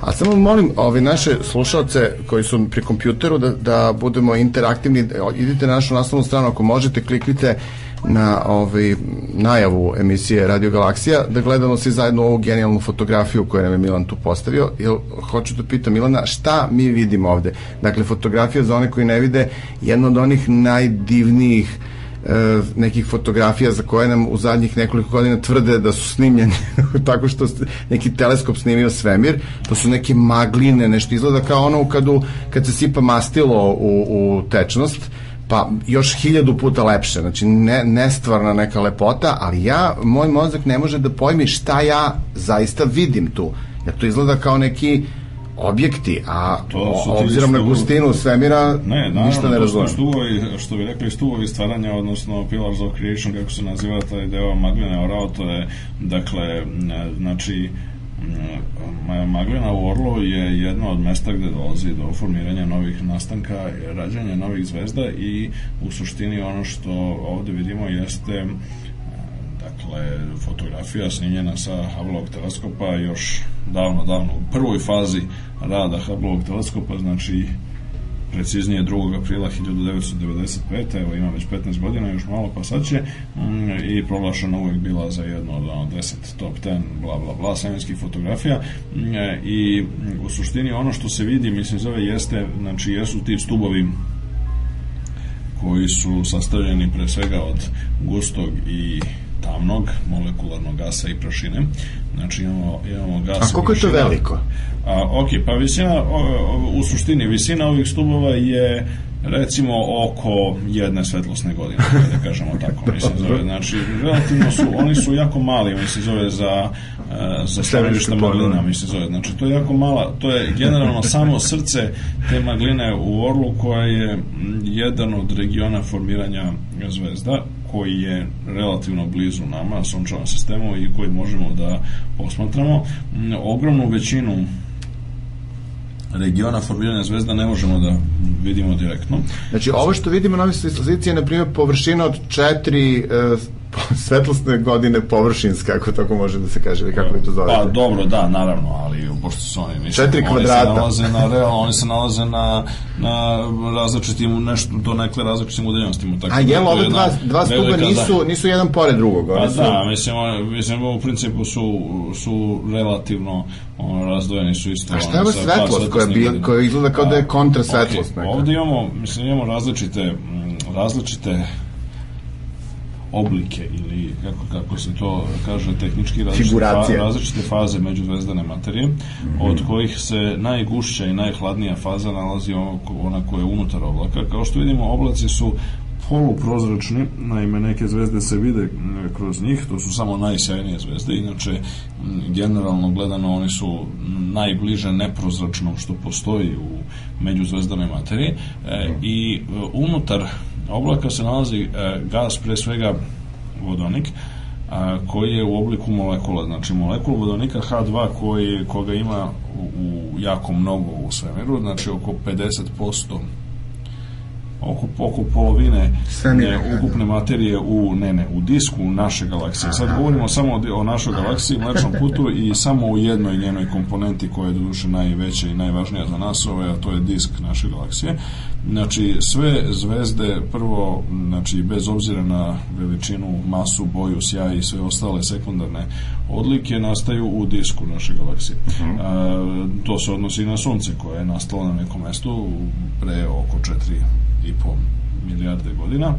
Tako da, zajedno sa, naravno, planetama, asteroidima i ostalim objektima u sunčevom sistemu koji su jedan mali delić, samo sićušni delić mase sunca, tako da pre svega zbog toga što sve zajedno sve planete, svi asteroidi, sve komete, mislim da su otprilike oko hiljaditi deo ili manje sunčeve mase, tako da kad zanemarit ćemo za sada sve te male objekte, zato govorimo o rađanju i smrti zvezda, a ne, mislim, zove planet, planetskih sistema i planeta i tako dalje, pošto su u prvoj aproksimaciji možemo da zanemarimo sve, sve, sva mala tela oko zvezda. Znači, na, postavlja se pitanje gde nastaju nove zvezde i kako one evoluiraju na kraju. Sad te završne periode njihove evolucije ćemo morati da prodiskutamo u nekoj narednoj, recimo narednoj radiogalaksiji, a što se tiče nastanka zvezda, on je zanimljiv baš zbog toga što predstavlja jednu vrlo, jedan vrlo bitan proces kojim se koji predstavlja verovatno najvažniji pojedinačni fizički proces koji se dešava u svemiru danas na velikoj skali. Znači, ne samo u našoj, nego i u drugim galaksijama. Mi razumemo formiranje zvezda prilično dobro u našoj galaksiji, a sad, ono, vero, po analogiji stvari, kako stoje stvari, nemamo razloga da verujemo da je naša galaksija nešto posebno u tom smislu, tako da se iste stvari dešavaju širom svemira i drugim galaksijama. Ono što se dešava jeste da se prvo od jedne potpuno rasprostrate i difuzne međuzvezdane materije, koja je na ovoj slici to ono što se nalazi između stubova, znači one između stubova takođe nije potpunosti prazan prostor. Uh -huh. I nego je u pitanju standardna međuzvezdana materija koja je uglavnom opet sastavljena od gasa i prašine, znači dve glavne komponente međuzvezdane materije. Gas između zvezda je jako razređen. On je po nekakvim zemaljskim kriterijima vakum zato što u laboratoriji na zemlji je nemoguće napraviti jači vakum znači, nego što je znači ovo što ne možemo vidimo, da ispumpamo međutim između bi bio kod nas vakum u laboratoriji jeste, da, zato što mislim zato što mi ne možemo da ispumpamo toliko, toliko mislim zove ga, to, ovaj, ne mm -hmm. postoji način da se jednostavno, ali se mm -hmm. radi o tome da znači jako male koncentracije znači mm -hmm. u terminima koncentracije koncentracija ti je broj nečega mislim zove u jedinici zapremene da. znači pa sad bilo čega u ovom slučaju recimo atoma ili molekula u kubnom santimetru u recimo vazduha u ovom studiju imaš u principu negde oko 10 na 18 molekula 10 na 17, 10 na 18 čestica, pretežno molekula da. Uh mhm. -huh. znači to je jako veliki broj to je znači, ekstremna znači, velika gustina u odnosu na kosmos. Tako da to je vazduh koji, koji je, mi doživljamo kao ništa. atmosferi i da. tako dalje, ovaj koji je posledica koji se održava zahvaljujući zemljanoj gravitaciji blizu ne, površine naše planete. I naše čule su nabažderena tako da ga, da ga eliminišemo iz percepcije. Pa dobro, osim kad je duva vetar ili tako već neke stvari, znači jasno je da jasno je da vazduh je između ostalog zadužen za to da prenosi zvuk, da prenosi da. razne druge poremećaje, mislim zove razne druge, mislim zove ove dešavanja, tako da mm, je, je to, ali ta gustina, znači broj je znači 1 sa 17 nula, na primjer, ili, ili 18 nula. E, u međuzvezdonoj materiji, u proseku, znači u proseku u disku mlečnog puta, na, naglašavam prosjeku zato što je se stvar koja jako varira s mesta na mesto. Znači, gustina atmosfere vazduha na zemlji ne varira mnogo kad smo na istoj visini. Znači, ako smo na površini mora, gde god odemo na površinu mora, otprilike ćemo imati istu gustinu vazduha. Isto tako se odnosi, mislim, zove na bilo koju zadatu visinu. Znači, na visini od 2000 metara je bilo gde na zemlji, mislim, zove gustina jako malo varira. Čak i u ono, tamo gde najviše varira, mislim, zove gde su srca ovih ciklona i anticiklona, to je opet jako mala, jako mala varijacija. Nigde neće da kažemo da je gustina, recimo, opala 10 puta, mislim, zove vazduha mm -hmm, i tako da. U međuzvezdonoj materiji, nasuprot tome, varijacije su ogromne, tako da se između od mesta do mesta zove gustina se menja za po recimo milijardu puta ili, ili više. A, tako da kad uprosečavamo, mislim onda je to jako je, onda, je, onda je to relativno malo informacija. Mislim, da, da, znači mi gubimo jako mnogo informacija kada da, da. Ovaj, uprosečavamo, ali kako to ljudi vole da rade generalno, onda u proseku u jednom kubnom centimetru međuzvezdane materije se nalazi recimo jedna čestica mislim pritom jedan, unutar galaksija jedan, da unutar galaksija da. jedna jedna do između pa jedna do recimo 10 čestica mislim zove se nalazi znači mi smo za znači, 10 na na 17 gušći od jest vazduh među, je gušći da, vazduh je vazduh da. gušći ovaj da. E, tako da znači to je izvini to je znatno znatno više nego što je dijamant gušći od vazduha Da, naravno, mnogo, mnogo više, da. sigurno. Znači, ove, znači, ove, sigurno, ove, dakle, ne, ne, pa voda je oko 500 puta gušća od vazduha, recimo, mislim, zove, ono, u proseku, da, da. mislim, zove, znači, a, a naravno sva čvrsta tela samim tim što su čvrsta i, i u tom smislu reči je znači međuvezdani, znači međuvezdani prostor na prvi pogled mislim zove je prazan. Mm -hmm. e međutim radi se o nečem sasvim drugom ne, moramo da vodimo računa o prostornim skalama. Naime međuvezdani prostor je toliko mnogo mnogo mnogo mnogo i ne daleko više puta veći nego što je recimo cela atmosfera zemlje ili bilo što drugo. Mislim zato što imamo prilike da susretnemo u svakodnevnom životu. Tako da ukupna količina materije bez obzira na to jako malu gustinu u međuvezdanom prostoru ogromna. Mm. Dakle, ukupno e, znači procenjuje se da u disku naše galaksije mlečnog puta, znači ukupna masa sve međuvezdane materije, znači gasa i prašine koje se nalaze u, u međuvezdanom prostoru, uprkos tako maloj gustini, je negde recimo oko 6 milijardi sunčevih masa. Znači 6 milijardi puta je veća ukupna masa međuvezdane materije od sunca, a masa sunca, kao što smo rekli, mislim, zove je oko milion puta nešto više od milion puta veća od mase Zemlje kao planete i hiljadu puta veća od mase svega u sunčevom sistemu zajedno. Tako da, svega drugog. Uh -huh. Tako da je u tom pogledu mislim da ima jako mnogo međuvezdane materije. Izvini, možeš još jednu da nam daš uh, vrednostnu ovaj, da možemo lakše, znači na ovoj slici, kada bi ceo naš sunčevi, sunčev sistem uzeli i odneli ga tamo okay. na vrh onoga, šta, šta nalazi, bi on predstavljao? Sunčev sistem se nalazi zapravo na ovoj slici, nego takođe, odnosno nešto što je veličina sunčevog sistema, a to je ovo što e, se nalazi, znači ova svetlaća, dakle, Najveća svetla. E, dakle, mala svetlašća koja se nalazi žuta na vrhu, mi se zove pri vrhu ove latice koje se nalaze na vrhu stuba koji vidimo na krajnjoj levoj strani. Znači se u principu latice koje se nalaze e, koje se nalaze između ovih e, odnosno e, ajde da kažemo ta svetla zrnca koja se zovu jajima mislim zove koja je koja se nalaze između ovih prstenova i između ovih ajde da kažemo pipaka, mi se zove tamno gasa pri vrhu, mi se zove u toj ovaj, latici stuba, mi se zove su prilike veličine su prilike veličine, mislim, zove sunčevog sistema. To je to. A, dakle, tu se nalaze nove, znači, to unutar svakog od tih jajašca se nalazi nova tek stvorena zvezda, hajde da kažemo, koja tek, kako astronomi kažu, izlazi na glavni niz. I to je, to, to duše ne znači da se ne nalaze nove zvezde i unutar stubova, samo što one još nisu uspele da se, da kažemo, probiju na površinu, odnosno nisu uspele da m, a, rasture taj molekul molekularni gas i da ga prvo, znači prvo dolazi do disocijacije molekula na atome, a zatim dolazi do ionizacije samih atoma, tako da onda nakon toga gas postaje prozračan, znači smanjuje mu se gustina, postaje prozračan i onda mogu da se vide. Zato ove stvari koje su po obodu mogu da se vide, a stvari koje su unutrašnjosti stuba ne mogu da se vide iz istog tog razloga. A, ono što je jasno jeste da zapravo a, kao što smo rekli, znači, međuvezdana materija je jako nehomogena, odnosno ima strahovito velike varijacije od mesta do mesta. Tako da gustina u najgušćim oblastima međuvezdane materije, a to su upravo tamni oblaci kao što su ovi stubovi na slici. To su najgušći delovi međuvezdane materije, to su molekularni oblaci pre svega i najhladniji. Uh, unutar njih gustina je recimo pa možda da kažemo hiljadu puta ili 10.000 puta ili čak i mislim zove milion puta veća od proseka. I unutar znači ovih stubova recimo imamo na primjer primjer milion čestica po kubnom centimetru. To je dalje jako malo po standardima Koliko vazduha. je to voda odnosno na vazduh? Ali je ovaj, to i dalje mislim zove nekih recimo 100 milijardi puta manje nego što je... A, da li, recimo, a, a odnosu na laboratorijske naše vakume? Tu pa, negde, jo? Tu je negde, da. ja, u principu mi se zove tu je negde. Ove, a ono znači, što ovde što je... vidimo ovde kao najgušće, to je, na primjer, laboratorijski Pa da, ali zato što, iz prostog razloga što, znači, pojem problem jeste u tome što u laboratoriji na zemlji nemoguće postići.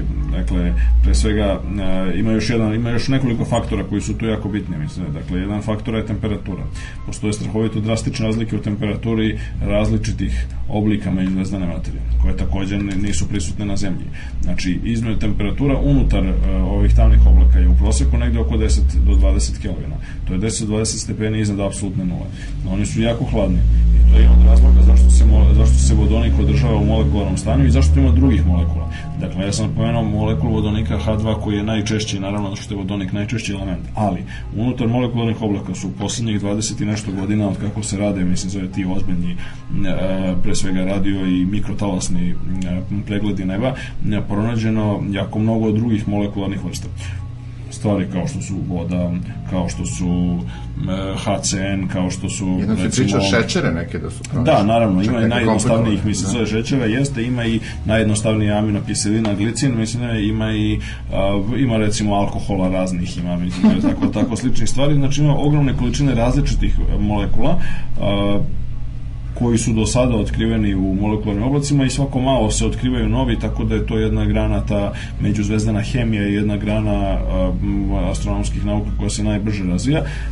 Ono što je činjenica jeste da prisustvo tih molekula i njihova stabilnost naspram ultraljubičastog zračenja. Ultraljubičasto zračenje generalno je pogubno za molekule, ono razbija molekule, mi se zove na atome i to je proces koji se naziva disocijacija. Dakle, to uh, činjenica da oni opstaje, postoje i opstoje mislim, u sebi u međuvezdnom prostoru nasuprot stalnom prisustvu ultraljubičastog zračenja uh, je moguće samo onda kada je temperatura jako niska, znači unutar tih molekularnih oblaka i kada ima mnogo prašine. Sad tu dolazimo do, mislim, zove bitnog faktora, to je da pored gasa, veoma mali brojčano i po masi mali udeo u međuzdanoj materiji sadrži prašina, ali ona je jako bitna iz raznih razloga.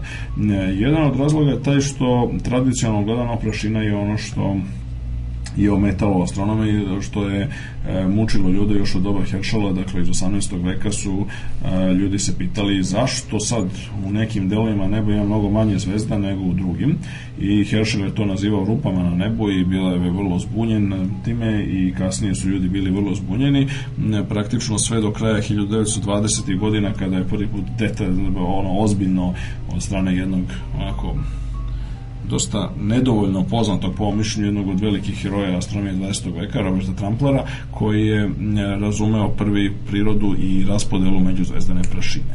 Znači, međuzvezdana prašina je u principu slična ovoj prašini na, na zemlji, samo što je manja, jer inozemca prašine ove sa kojim muke muče domaćice na zemlji su pa recimo mislim zove otprilike oko možda desetog dela milimetra ili recimo eventualno do stotog dela milimetra kad je prašina jako fina. A, obično prašina u međunarodnom prostoru je recimo hiljaditi deo milimetra ponekad i sitnija znači zrnca prašine su generalno finija i manja. A, inače po svim drugim stvarima međunarodna prašina je jako slična ovoj zemaljskoj. Glavni konstituenti međunarodne prašine e, hemijski gledano su isti kao i ovoj u zemaljskoj prašini pa to su pre svega ugljenik, silici silicijum i nekoliko, mislim, zove ovih lakših nekoliko lakših metala kao što su recimo aluminijum a, a koji se nalaze u zemaljskoj prašini takođe i magnezijum a, a takođe ima i nekih ugljovodonika i to je tako to je ono što hemičari nazivaju pahovi a pahovi je m, bizarna skraćenica od nečega što ako se ne varam se zove polija, policiklični aromatični ugljovodonici mislim zove, dakle ja nisam sa hemijom moram priznam nikad pretrano dobro stajao ali ove, ovaj, je to su u pitanju su komplikovana komplikovani ugljovodonici mislim zove slični recimo stvarima kao što je naftalin i onaj fenol koji je poznat kao otrov, težak industrijski otrov i slične stvari gde e, se zapravo e, nalaze uglavnom atomi ugljenika i vodonika. A otkud to u svemiru, a otkud kod nas? E, ok, mislim pa kod nas zato što na neki način je ugljenik, mislim samo ok, ugljenik je jedan od, i ugljenik i vodonik su jako prisutni, sad vodonik je apsolutni broj jedan po znači, prisustvu u svemiru, a e, ugljenik je kao što smo u jednoj od prethodnih radio galaksija kad smo govorili o to hemijskom sa hemijskim elementima u svemiru ugljenik je recimo broj 4 na primjer na listi mislim zove najprisutnijih elemenata otprilike ide vodonik, helijum, kiseonik, ugljenik mislim zove to su prva četiri posle dolaze ne znam neon, azot, gvožđe, silicijum i tako još poneki. Ono što, ono što jasno jeste da se oni teže, a pošto su te veze ugljenika i vodonika veoma jake, znači one su to vrlo stabilne jedinjenja, kad jednom nastanu ona teže prašina, da, teže to je, da opstanu. To, je nešto, to su mala zrnca, mislim, zove koje, koja, koja, koja uh, usled uh, zrnca prašine. E sad one, one nastaju, da, naravno u međuzemnom prostoru nema gravitacije, tako da se ona sasvim onako slobodno kreću. A, e, nastaju međuvezna prašina dugo vremena je bila misterija gde nastaje međuzna prašina, danas se nama jasno ona nastaje u atmosferi veoma hladnih zvezda, znači hladnih zvezda u smislu recimo crvenih patuljaka i crvenih džinova, znači zvezde koje imaju tu oznaku crveno, znači da je njihova površina hladna po um, zvezdanim standardima, znači ona ima crvenu boju, odnosno na nivou je crvenog usijanja, mislim zove to recimo 1000 stepeni, na primjer, mislim zove ili 1200, 1500 stepeni. Primjera, poređenja radite površina na suncu je oko 6000 stepeni, tako da je sunce u stanju žutog usijanja, zato se sunce i smate naziva žutim patuljkom često, ove, žutom zvezdom. Najsjajnije zvezde su, mislim zove tamo negde plave ljubičaste boje i, i ultra ljubičaste, njihova, na njihovoj površini je temperatura recimo 30.000, 40.000 stepeni i, i više a i u, njihovoj, u njihovim atmosferama jednostavno je suviše toplo, tako da ako bi i nastalo neko zrnce prašina, bi se smesta istopilo i isparilo. Ali kod hladnih zvezda, recimo na temperaturi od 1000 stepeni, tu već može svašta da se kondenzuje i ono što se kondenzuje može i da opstane, a ako još sa površine te zvezde duva kako se to lepo kaže, zvezdani vetar. Kod nas imamo sunče vetar, a u drugim zvezdama imamo generalno zvezdani vetar. Znači, e, čestice pre svega, pre svega jezgra vodonika, znači protoni koji e, na sve strane, mislim, zove duvaju sa površine, onda one su teže da odnesu sa sobom, da ponesu i novo kondenzovano, novo stvorena e, zrnca prašine. I ta zrnca prašine koja imaju jako malu masu se vrlo lako, mislim, zove, bivaju odbačena, mislim, zove iz atmosfera zvezda, u hladnih zvezda u međuzvezdani prostor i tamo se mešaju sa, jeli, u, sa gasom i nije ni čudo da se one nalaze najviše, se prašina nalazi u oblacima gasa, ali to što su ljudi ranije doživljavali kao koincidenciju, to je slično onom pitanju, mislim, zove, ne znam, onom zašto se, zašto se na kraju uvijek geoloških ovih perioda Juras, Kreda, Tercijar i tako je, zašto dolaze do izumiranja uglavnom na kraju, a ne u sredinama perioda? Pa odgovor je zašto su periodi definisani prema izumiranju. A ovdje isto tako, mi se zove, imamo slučaj. Znači, nije pojenta u tome da su slučajno se nalaze prašina i gas najviše u, u gustim oblacima, nego je pojenta u tome da se molekularni gas nastaje tamo gde ima dosta prašine i to je jedan vrlo interesantan proces e, formiranja molekularnog gasa, pre svega molekularnog vodonika na površini i e, na površini čvrstog tela. Znači, jedno zrnce prašine, bez obzira koliko bilo malo po našim ljudskim standardima, je, je džin, ogromno je, mislim, zove sa stanovišta pojedinačnih atoma. I onda pojedinačni atomi teže da udare u površinu, mislim, tog ogromnog tela i da se zalepe za nju. I onda kad se zalepe za nju, onda oni čekaju, čekaju, pa uskoro nakon toga dođe drugi, mislim, zove, atom koji udari i onda se oni, ako su dovoljno blizu na površini, onda se oni vrlo lako spoje i formiraju molekulu.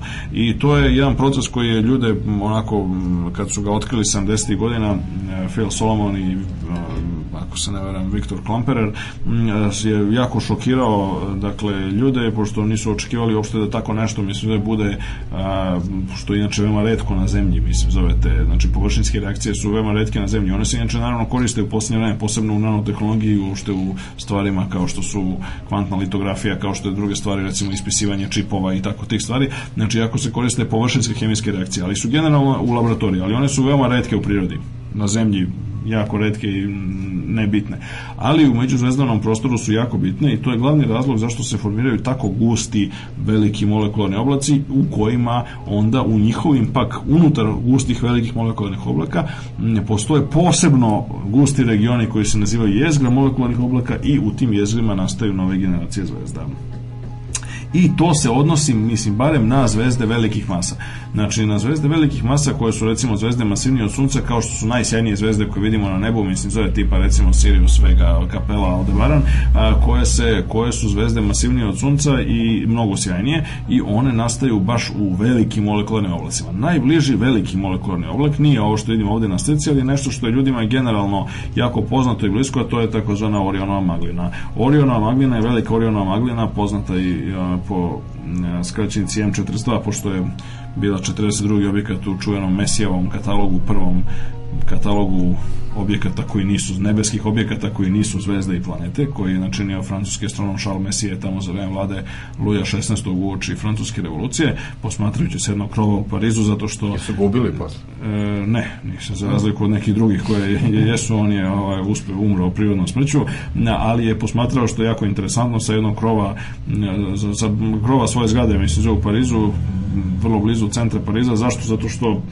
U to vreme, u to vreme mi se zove kad bi pao mrak ovaj, u Parizu je moglo podjednako dobro da se posmatra kao i u nekoj šumi ili na moru ili u planini ili tako nije dalje, pošto nije bilo baš mnogo svetlosnog, a ni drugog zagađenja. E, I onda je on između oslog posmatrao razne magline pre svega magline, a i neke galaksije, znači sve one stvari koje nisu zvezde i planete, koje nisu tačkasti objekti, a, zato i napravio taj prvi takozvani Mesijav katalog, koji je jako popularan i dan danas. Četiri dvojka je Orion. E, četiri dvojka je Oriona maglina, mislim koja je prikazana hiljadu nekih ono ilustracija, mislim zove ono omotima, knjiga, ploča, mislim zove svega i svačega. A, I Oriona maglina predstavlja nama najbliži region formiranja veoma, veoma masivnih zvezda. A o tome nešto više nakon jedne pauze. A, tako misliš, dobro.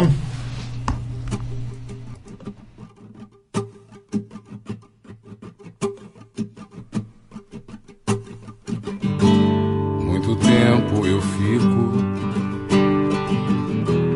a viver pelos mares, mergulhando profundo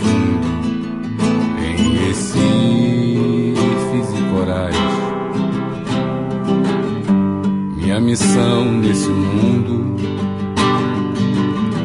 é pesquisar animais. Mergulhando no escuro com perigos reais. E por isso agora que eu cheguei aqui. Nada vai me tentar a fazer desistir. Eu não posso dormir com você nos meus sonhos. Já conheço seu doce, seu olhar tão medonho. E é sem ar que eu fico. Há muito tempo eu fico. E nunca fico rico. Aí por isso eu grito. Hoje eu te frito.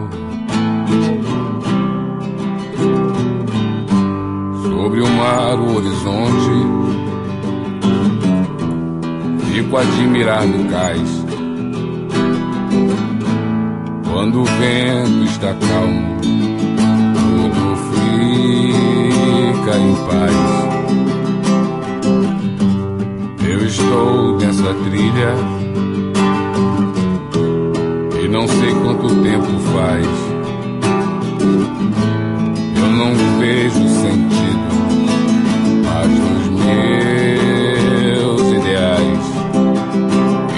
agora que eu fiz um acorde maior pra cantar pra você minha angústia e dor, não me deixe aqui sem carinho e só. Venha viver comigo, venha ser meu amor, porque eu não vivo há five years. Quase não vi nada nesses five years. Estar no mar azul é meu viver há five years. E de norte a sul é minha sina five years. Porque eu não vivo há five years. Quase não vi nada nesses five years. Estar no mar azul é meu viver há five years.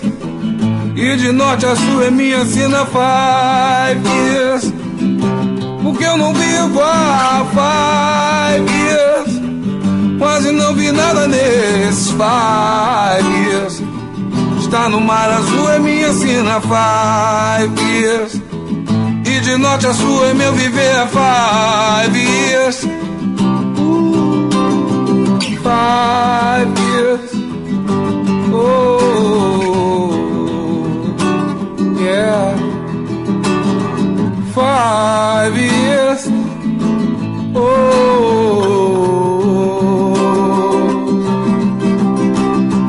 five years.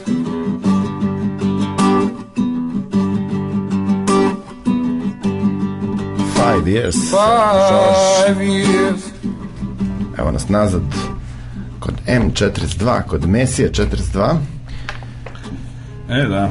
Orion, dakle, to je Nebula. Jedan od, jedna od spektakularnih prizora na, na noćnom nebu generalno može već sa malim durbinom i dvogledom da se posmatra prilično lepo, znači južno malo južnije od Orionovog pojasa, a manje više svako ko je ikad gledao u noćno nebo, posebno zimi, mislim ako je vedro nebo, posebno na planinama, ali može da se vidi polako iz Beograda, znamo Može da se.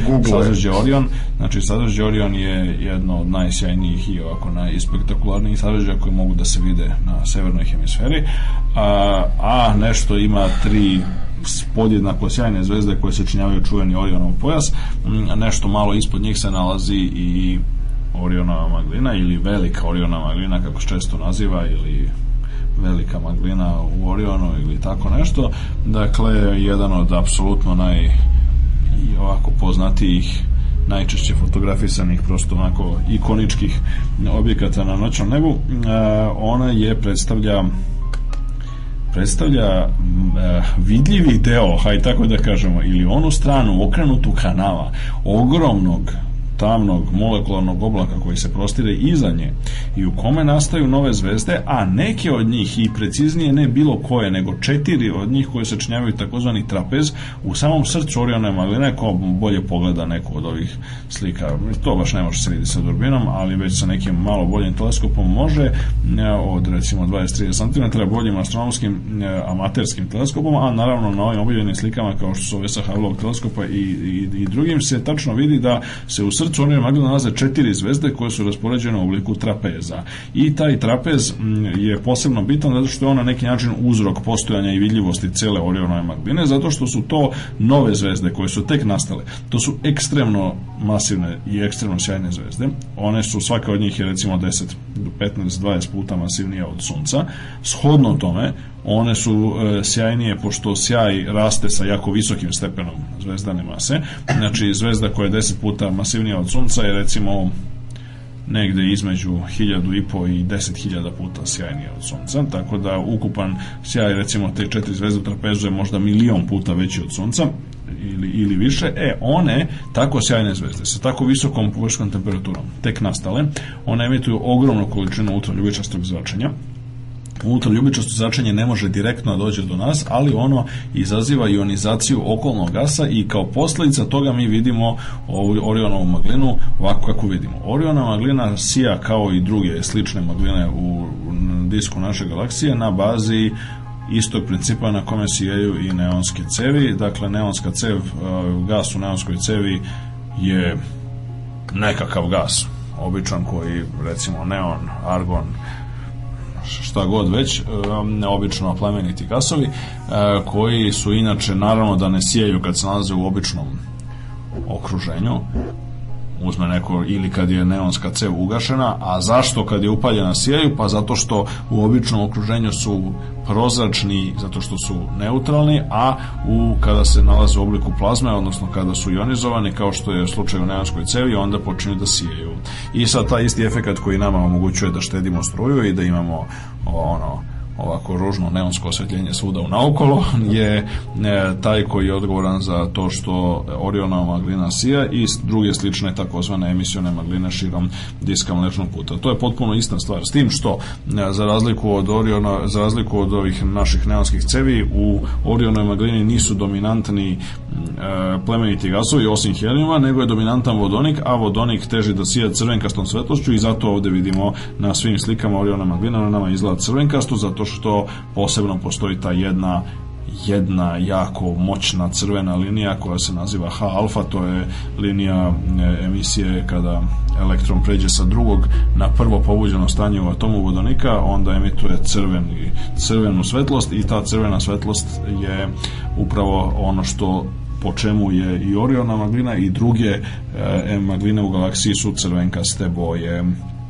i ono što je jasno da sve to potiče zapravo od prerađene prerađene ultraljubičaste svetlosti te četiri zvezde u trapezu.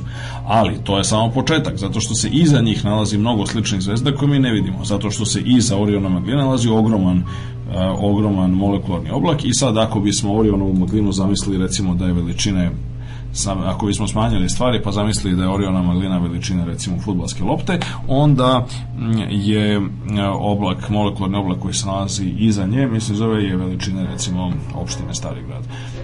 Tako da se nalazi ogroman molekularni oblak koji je iza nje koji se naravno ne vidi, pošto je taman. Uh, tako reći po definiciji, ali unutar njega se nalazi još ovakvih jezgara koje mi ne vidimo gde se nastaju nastaju nove zvezde. E, kad nastanu te nove zvezde, ovo su Oriona Maglina je primer regiona u kome nastaju nove zvezde jako velikih masa. Primer regiona u kojima nastaju zvezde malih masa ima takođe jako mnogo, pošto zvezda malih masa ima takođe dosta, ali oni su mnogo manje upadljivi i mnogo manje ovako vizualno spektakularni i dešavaju se na mnogo više mesta. Ima u sadržaju bika, ima na raznim drugim mestima, gde nastaju zvezde malih masa i zvezde malih masa računajući i sunce i one mnogobrojne zvezde manje od sunca.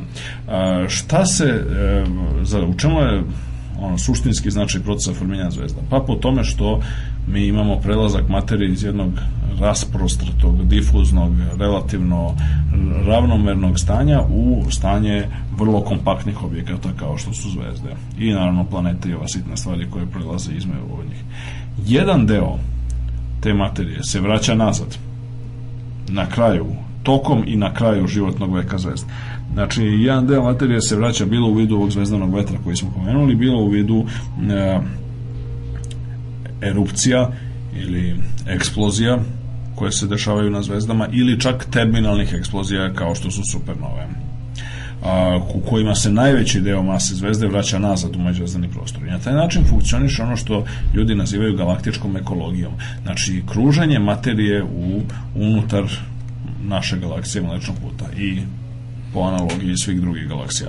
Znači imamo isto tako, mislim, materija je u stanju međuzvezdane materije, pa onda biva inkorporirana u zvezde, pa se onda jedan deo vraća nazad, pa biva inkorporirana u narednu generaciju zvezda i tako dalje. Ono što se u međuvremenu dešava jeste da nuklearne reakcije u samim zvezdama obogaćuju tu materiju novim hemijskim elementima koji nastaju, kao što helijum stalno nastane, nastaje u jezgru sunca, a boga mi kad se približi kraj životnog veka sunca za nekih recimo 4 do 5 milijardi godina, tada će početi da nastaju druge stvari. Helijum će se fuzionisati u ugljenik, ugljenik će se možda fuzionisati u magnezijum, silicijum i još neke komplikovanije stvari i jedan deo tako nastalih težih atoma će se izbaciti nazad i pomešati sa opštim međuzvezdanim prostorom. I tako traje to kruženje materije koje predstavlja vrlo blisku analogiju kruženju materije u zemljinoj atmosferi, hidrosferi, litosferi, znači onome što se dešava. Da, ali u, sistemu, ali u sistemu Zemlje mi imamo ogromnu količinu energije koja, koja to sve greje, kako bi rekao sa sunca, a šta, Jasne. šta je ovde sa, u stvari, mislim, okay. šta je sa entropijom? Ok, glavni, da. glavni, mislim, zove glavni izvor, naravno, to je vrlo dobro pitanje, zato što se, a, zato što svako tako okruženje mora da ima, na neki način mora da ima izvor energije i pogonsku mašinu koja obezbeđuje to okruženje, znači glavni, glavna stvar, mislim, zove za okruženje galaktičku ekologiju su eksplozije supernovih, pre svega, koje, mislim, ne samo što izbacuju, mislim, za ogromnu količinu materije nazad, nego saopštavaju jako veliku količinu kretanja, tako da vrlo često se dešava da eksplozije supernovih zapravo sabijaju obližnje oblake gasa i na taj način iniciraju u njima proces formiranja novih generacija zvezda. Dakle, dakle to je jedan generator, a takođe mi se zove i a, znači stvari koje su manje dramatične, ali su takođe prilično, mi se zove prilično imaju veliku energiju, a to su a, recimo ove zvezde kao što su ove u trapezu koje tek nastaju, one imaju ekstremno jake zvezdane vetrove i one na neki način takođe a, mešaju i se mešaju i sabijaju i do nekla mešaju taj gas koji, koji se vrtloži i svuda kreće u naokolo oko njih a takođe i a, recimo manje manje događaji kao što su formiranje takozvanih planetarnih maglina kao što su eksplozije novih to su znači događaji koji se dešavaju mogu da se dese više puta, znači nisu terminalne završene eksplozije kao supernove, nego mogu da se ponove više puta, posebno u dvojnim i višestrukim zvezdanim sistemima i uopšte, dakle, još jedan, još jedan faktor koji je jako bitan, a to je rotacija, odnosno okretanje e, celog diska galaksije. Znači, kao posledica okretanja diska galaksije, kao posledica činjenice da naša galaksija ima spiralnu strukturu, odnosno postoje spiralni kraci koji se kreću kao one, znači, kao bukvalno kao vrtlog, mislim, zove jedan, kao, kao ovaj maelstrom ili tako neki e, veliki vrtlozi ili kao kad mešamo kafu, kao posljedica toga dolazi do e, periodičnog sabijanja i razređivanja e, međuvezdane materije, odnosno dolazi do toga da se ispred tog udarnog talasa recimo materija, znači udarne, znači ta spiralna struktura ima kao kad mešamo kafu bukvalno ona se ponaša kao udarni talas, znači ispred udarnog talasa se materija sabija, a iza udarnog talasa materija razređuje. Na taj način se jedan deo uh, kinetičke energije kretanja, znači rotacije diska se pretvara u prvo u, znači ne, pre svega u toplotnu energiju, pošto se jedan deo materije zagreva, a drugi ne, a onda kao posljedica toga jedan deo te energije se ispoljava u vidu formiranja novih zvezda i u onim regionima koji su sabijeni. I generalno gledano, to jeste veliki današnji veliki izvor entropije zato što mi znamo relativno od skoro da e, pored ove uobičajene entropije koje ljudi uče u, u školi koja se odnosi na ove nekakve termodinamičke eksperimente na toplotne mašine, na stvari kao što su motori, ne znam, cilindri, parne mašine i tako dalje, postoji entropija koja je vezana za gravitaciono polje. I sad, znači, e, objekti koji imaju gravitaciono polje, a to su praktično svi objekti sa masom, e, imaju takođe jedan deo entropije koji se nalazi u samom gravitacionom polju.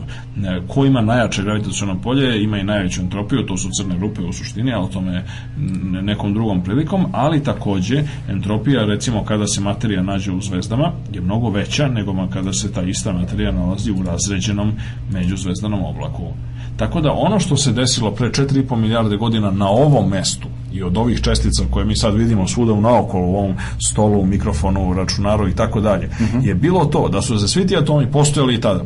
Ali oni su bili u razređenom formi, oni su bili u okviru jednog ogromnog međuzvezdanog oblaka koji je možda bio, ne znam, pola svetlosne godine ili svetlosnu godinu s kraja na kraj, I sad da je do samo one naše srednjoškolske laboratorijske fizike, onda se ništa drugo ne bi desilo. On ostao bi taj oblak tako i ništa ne bi radio. Ali, poenta je bila da u jednom momentu oblak postao nestabilan, počeo je pod istom sobstvene gravitacije da se sažima i ultimativno gledano iz tog sažimanja mislim da je došlo je do došlo je do ono, naglog sabijanja, do kolapsa i do nastanka bar jedne zvezde to je sunca i oko njega planetskog sistema, računajući zemlju i sve što je na zemlji. Mhm. Dakle, sve ono što se dešavalo posla na zemlji i u sunčevom sistemu, znači hemijska evolucija, geološka evolucija, pokretanje kontinenta, nastanak života, biološka evolucija, nastanak, ne znam, ljudi, mislim zove i svega ostalo, pa onda ljudska istorija, sve to je suštinski omogućeno, znači sve te zanimljive stvari su omogućene time što je tako veliki skok entropije napravljen pre 4,5 milijarde godina kada je taj oblak iz jednog razređenog i rasprostog stanja prešao u kompaktno stanje sunca i, i planete. Znači, na neki način mi smo tada, tada je ovaj, otvoren veliki kredit na, na osnovu čega kojeg mi dan danas živimo. I sve ono što će se bude dešavalo, sve ono što se bude dešavalo dok postoji recimo Zemlja i sunčev sistem, znači još narednih jedno, 5 milijardi godina, otprilike e, će je posljedica tog kredita koji je povučen na početku. Mislim, znači, kada je došlo do tog ogromnog porasta entropije zbog kolapsa tog velikog oblaka u kome se, opet kažem, znači u kome su aristotelovski govoreći, znači kao potencije postojalo sve ovo što mi imamo, vidimo oko nas, ne samo zemlja, nego i ovaj studio i sve ovo drugo o čemu mi sad pričamo i naši slušalci koji ne vidimo. i tako dalje, i vazduh koji ne vidimo i, i tome slično. Tako da taj proces koji se dešava svuda oko nas danas, u našoj galaksiji, u drugim spiralnim galaksijama, Ovo je jako bitno, mislim još jedna stvar, on, e, ovaj proces formiranja zvezda znači dovodi do e, dovodi da je predstavlja generator hemijske evolucije, znači mi u početku smo startovali samo sa vodonikom i helijumom koji su izašli iz velikog praska, a svi ovi doci elementi su nastali u zvezdama i to u raznim generacijama zvezda. Znači da bi nastala naredna generacija potrebno je da nastala na prethodna i tako dalje. Znači samo su prve zvezde koje su nekad davno nastale i kojih više nema bile sastavljene samo od vodonika i helijuma. Ove sve kasnije kasnije imaju sve više i više, mislim, zove tih elemenata, a naša planeta Zemlja je gotovo u potpunosti sastavljena od drugih elemenata. Znači, na Zemlji helijuma uopšte nema, pre svega praktično nema ga. I onaj što ima taj nastao kasnije radioaktivnim raspadom a nije onaj koji je opstao tu što on sav otišao u međuvezani prostor a on je inertni gas koji se ne vezuje jedinjenja vodonika ima onoliko malo koliko ga ima u vodi i još par jedinjenja a što jako malo zato što čak i u vodi mislim zove vodonik je samo ono osmina znači od ono kilogram vode samo osmina je vodonika kiselnik je daleko masivniji. A, tako da je e, znači jako malo vodonika najveći deo vodonika je otišao takođe u međuvezdani prostor pošto je veoma lak element. Dakle, svi ovi ostali elementi koji sastoji zemlja, pre svega kiselnik, ugljenik, silicijum, gvožđe, nikal, su dakle elementi koji su nastali kasnije u zvezdama I to je onaj razlog, mislim, zašto su ljudi tamo počeli, ono, od Karla Segana, pa mislim, nadalje, ono, tamo citirali Šekspira i šta znam, no, i tamo su ljudi zastavljeni od zvezdane građe i tako to, mislim, zove, to je tačno, mislim, zove, zaista, pošto su bile potrebne prethodne generacije zvezda da bi se formirali svi ovi elementi, dakle, osim od onih od kojih se mi sastojimo i sve, cela planeta Zemlja, ali formiranje planeta nalik Zemlje je nemoguće bez toga da hemijska evolucija dovoljno odmakne, da se pojavi kritična količina stvari kao što su kiselnik, silicijum, gvožđe, nikl od kojih je sastavljena Zemlja. Tako da nije moguće svuda da nastanu planete nalik Zemlji. To je jedan jako bitan efekat, mislim, zove koji postoji. On je moguć u disku galaksije kao što je Mlečni put, koji je dovoljno odmak u hemijskoj evoluciji. U galaksijama kao što su recimo eliptična galaksija, toga nema. U eliptičnim galaksijama nema, je hemijska evolucija jako slaba, njihova, kod njih je količina težih elemenata jako niska, tako da možemo zaključiti da planeta nalik Zemlji i u onoj meri u kojoj je život zavisan od postojanja planeta nalik Zemlji nema u eliptičnim galaksijama. Ali srećom, Ko to je tamo ima. srećom, ovaj, u, pa verovatno ništa zanimljivo zaista, zato što mislim da od vodonika i helijuma se teško može napraviti bilo šta zanimljivo, mislim da je zaista tamo su količine ovih težih elemenata ekstremno male. I ono što ono što jeste bitan zaključak jeste da srećom, mislim zove upravo ta galaktička ekologija omogućuje znači kruženje materije unutar um, unutar međuzvezdane materije između razmena između međuzvezdane i materije i one koja se nalazi u zvezdama i planetama i ono što omogućuje nastanak između ostalog planeta nalik zemlji pa shodno tome i uslova za postojanje života i za jeli, život i ultimativno nekakve inteligentne posmatrače. A ono što, znači to je posledica postojanja galaktičke evolucije koja srećom se dešava na mnogo mesta pošto srećom većina galaksija u svemiru su spiralne pa onda se na, na, na njima dešava. A, to će trajati još jako dugo, ali opet ali ne beskonačno dugo zato što se postepeno misli zove i e, ta gala, isto kao što i zemaljska ekologija ne može da traje beskonačno dugo zato što jednostavno nije 100% efikasna. Recimo jedan deo vode se stalno gubi, mislim zove sa zemlje zbog fotodisocijacije i zbog bežanja vodonika iz stratosfere. Ali m, e, sa druge strane tako da ni Sušimo se, ni, dakle, ni, jeste, tako da dolazi do tih procesa. A isto tako galaktička ekologija ne može beskonačno da traje. sušiš. Pa to je to je tačno tako da postojanje postojanje svih stvari pa i zemlje pa i diska naše galaksije u kojoj nastaju nove zvezde i A nove planete je povremeno nas pofajtaju ovi asteroidi koji su od vode. a, odnosno i pre svega jezgra kometa, mislim zove, da, to se desi, da, jezgra kometa su postepeno, ona su donela jedan veliki deo vode u prethodnoj istoriji, mislim zove posebno u ranim fazama istorije zemlje, a dešava se i dan danas. Ali to je mnogo ređe, mislim zove, u suštini taj proces, taj proces je mnogo sporiji i mnogo reći danas nego što je bio ranije.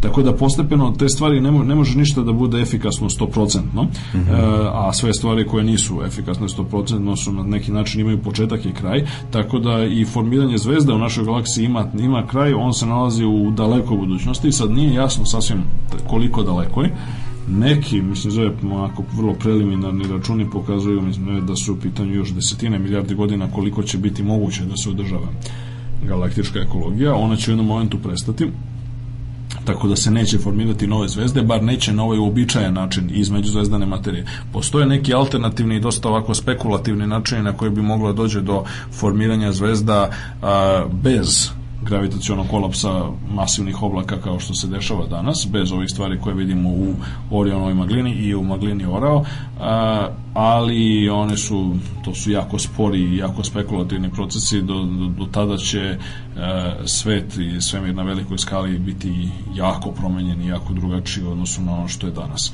O tome možemo u nekoj od narednih emisija. Gravitacija, gravitacija čoveče.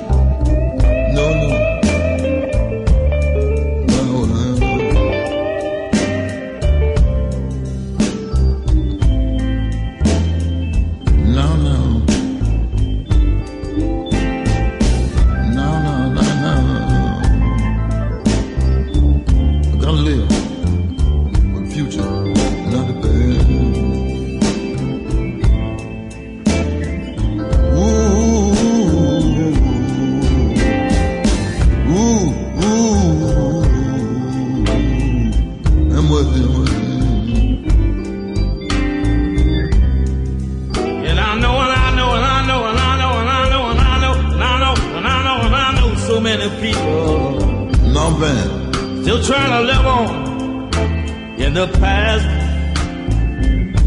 Those days are gone, gone, gone, gone, gone. gone. Ain't no good. No good.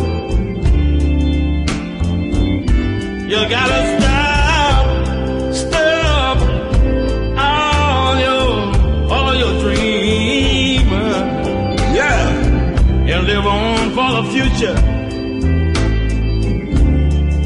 Baby, don't don't look back. Don't look back, don't look back, don't look back, don't look back.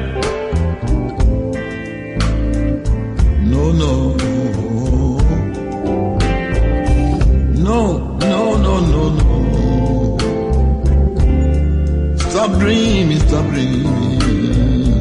And live on, live on. The future, not the past.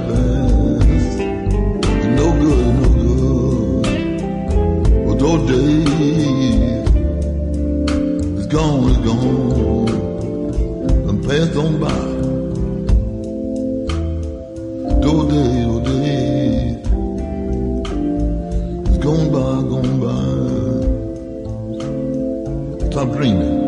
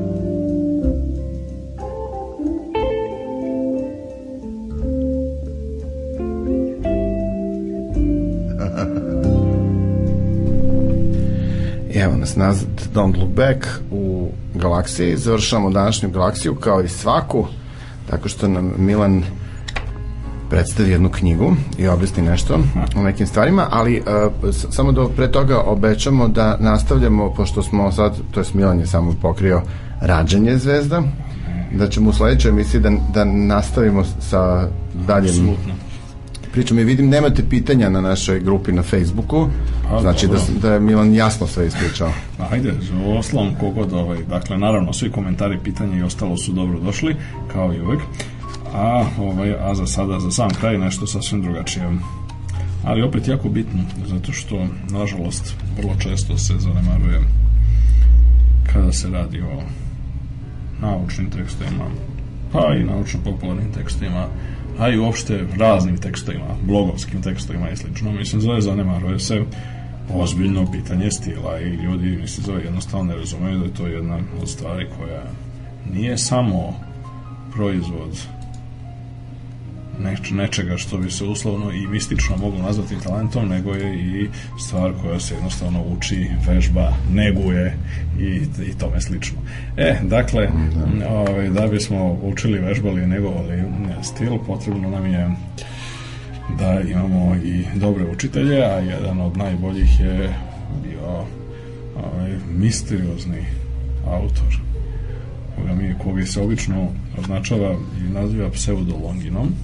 A zašto je to tako? Pa to je jedna interesantna priča samo po sebi. Naime, niko ne zna zapravo da li je jedan, postoje dvojica sugerisanih autora, a moguće da nije ni jedan ni drugi. Naime, radi se o jednom vrlo starom spisu. Sad, do sada smo u ovoj rubrici uglavnom govorili o savremenoj književnosti, ponekad uglavnom prozi sa po nekim skretanjima u poeziju i eseistiku, a sada ćemo se vratiti jako davno, pre 2000 godina, u verovatno u prve vekove, pa sad, da li prvi ili pak treći vek naše ere, to nije sasvim jasno, zato što Cassius Longin, jedan od predviđenih autora, je živeo u trećem veku, znači približno između 213. i 273. godine, a opet sa druge strane Dionizije iz Halikarnasa, koji je, su, koji je pisao za vreme imperatora Augusta, je takođe tradicionalno bio povezivan sa ovim spisom. E, tako da sad mi ne znamo kome tačno pripada i to je još uvek velika misterija, a mnogi kažu da zapravo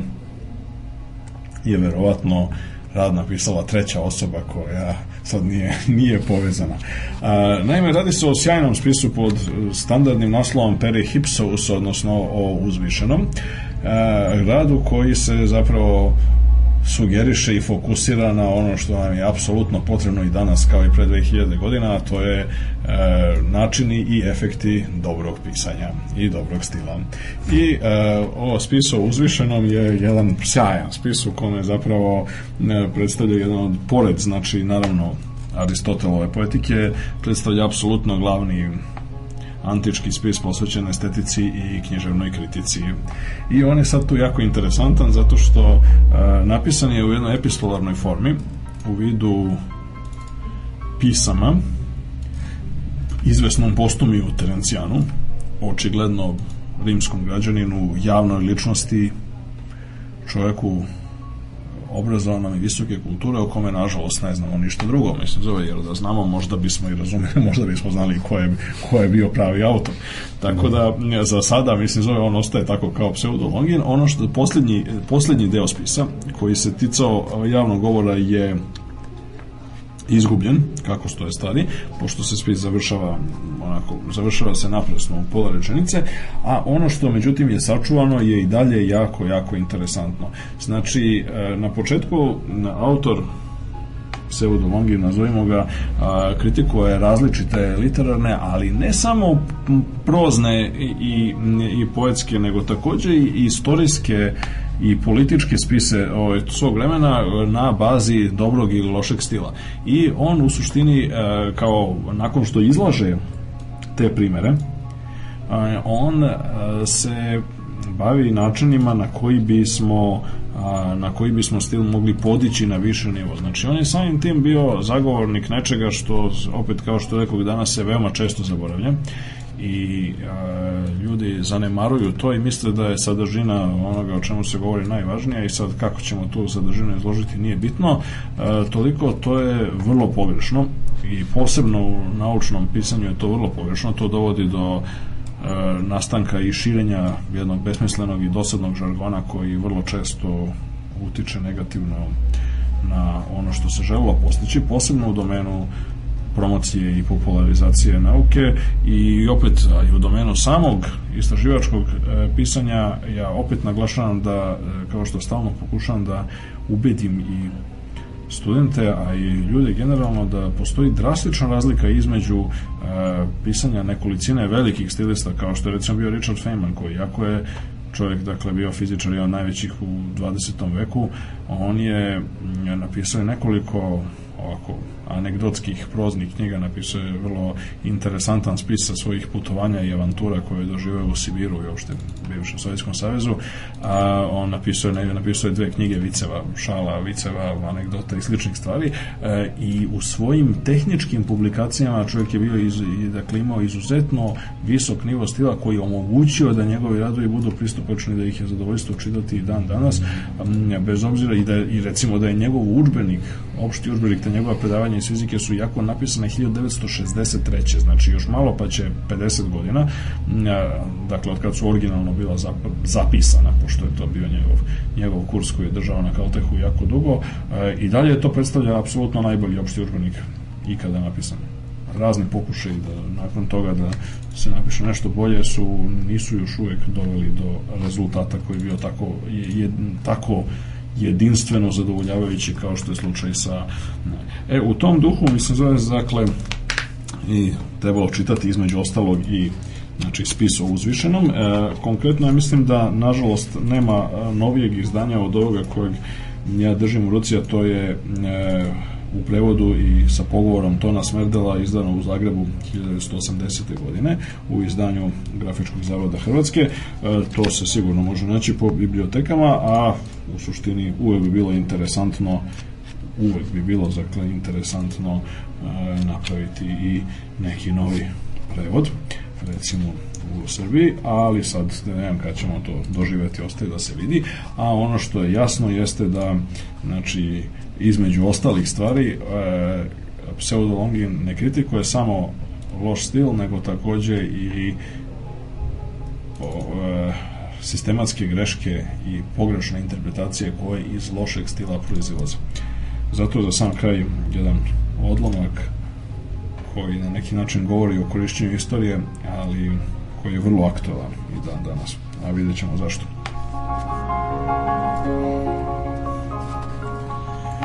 Druga mana o kojoj smo govorili, to jest hladan stil, veoma je česta, recimo, kod Timeja, pisca od vrednosti koji nije nevešt često uzvišenosti stila.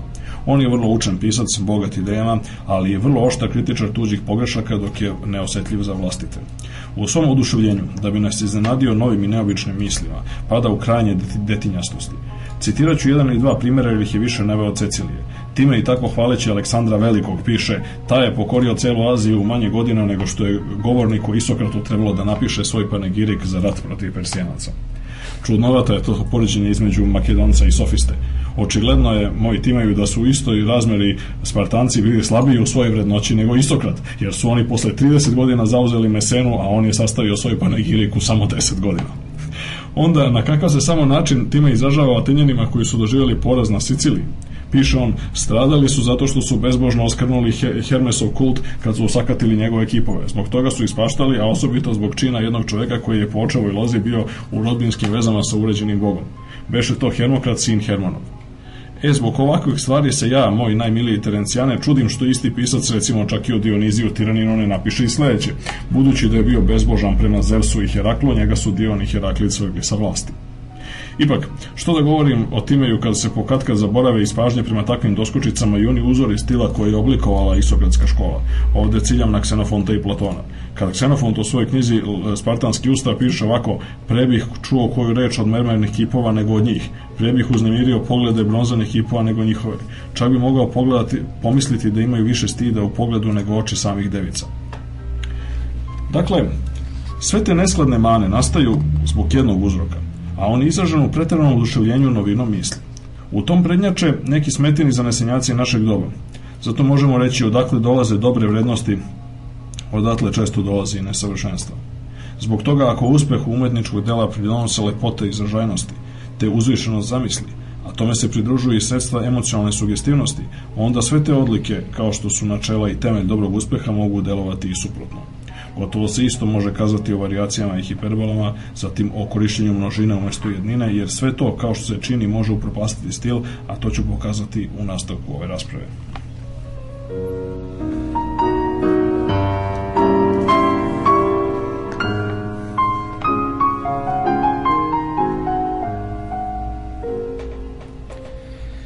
To je bilo još jedna radio galaksija, ovoga puta 3. februar 2010. godine. Milane, hvala ti mnogo. Molim, do slušanja.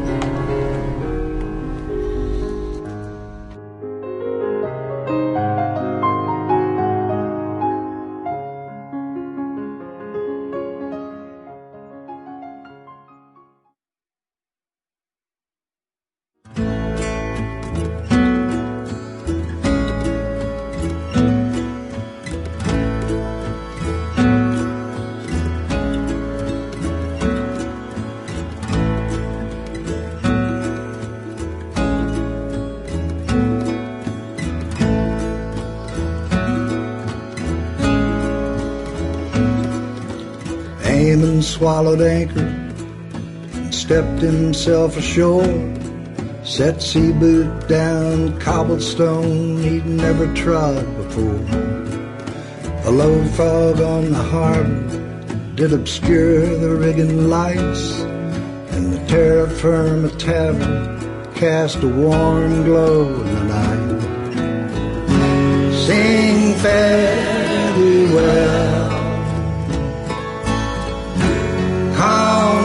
seas are swell. Red evening sky. Home and dry.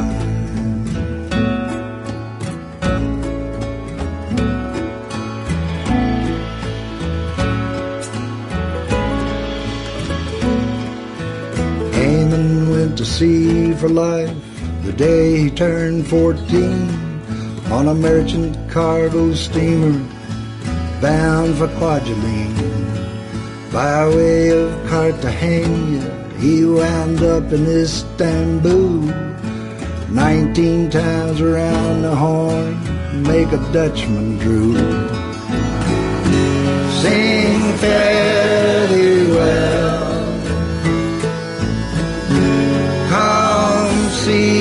Are swell. Red evening sky. Home and dry.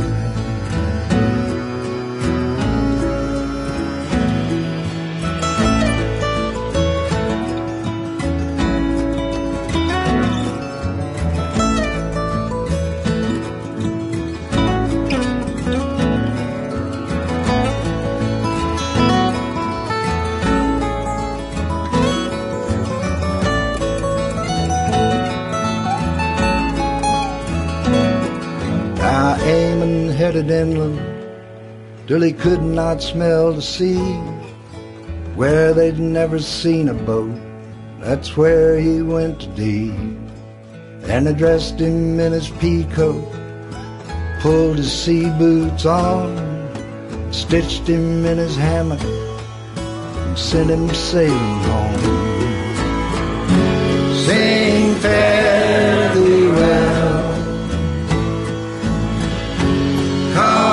Seas are swell.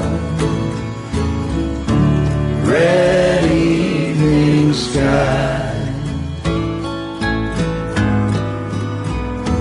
Home and dry.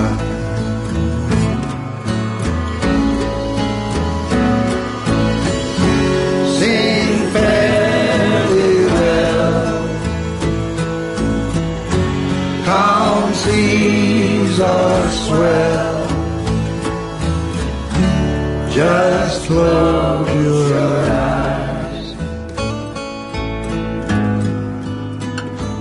Home and dry. Genijalna ploča Guy Clarka iz 2009. godine. Još puno, puno dobre muzike vas čeka u sledećih 2-3 sata do dolaska Ljuljaški. Još jedna emisija sredom, onda posle toga slede Dorijan, pa Tijana Todorović, celo veče imate zezanje na Novom radiju Beograd, sutra radi Miško, sutra u dva sata Caka Jelena uživo emisiju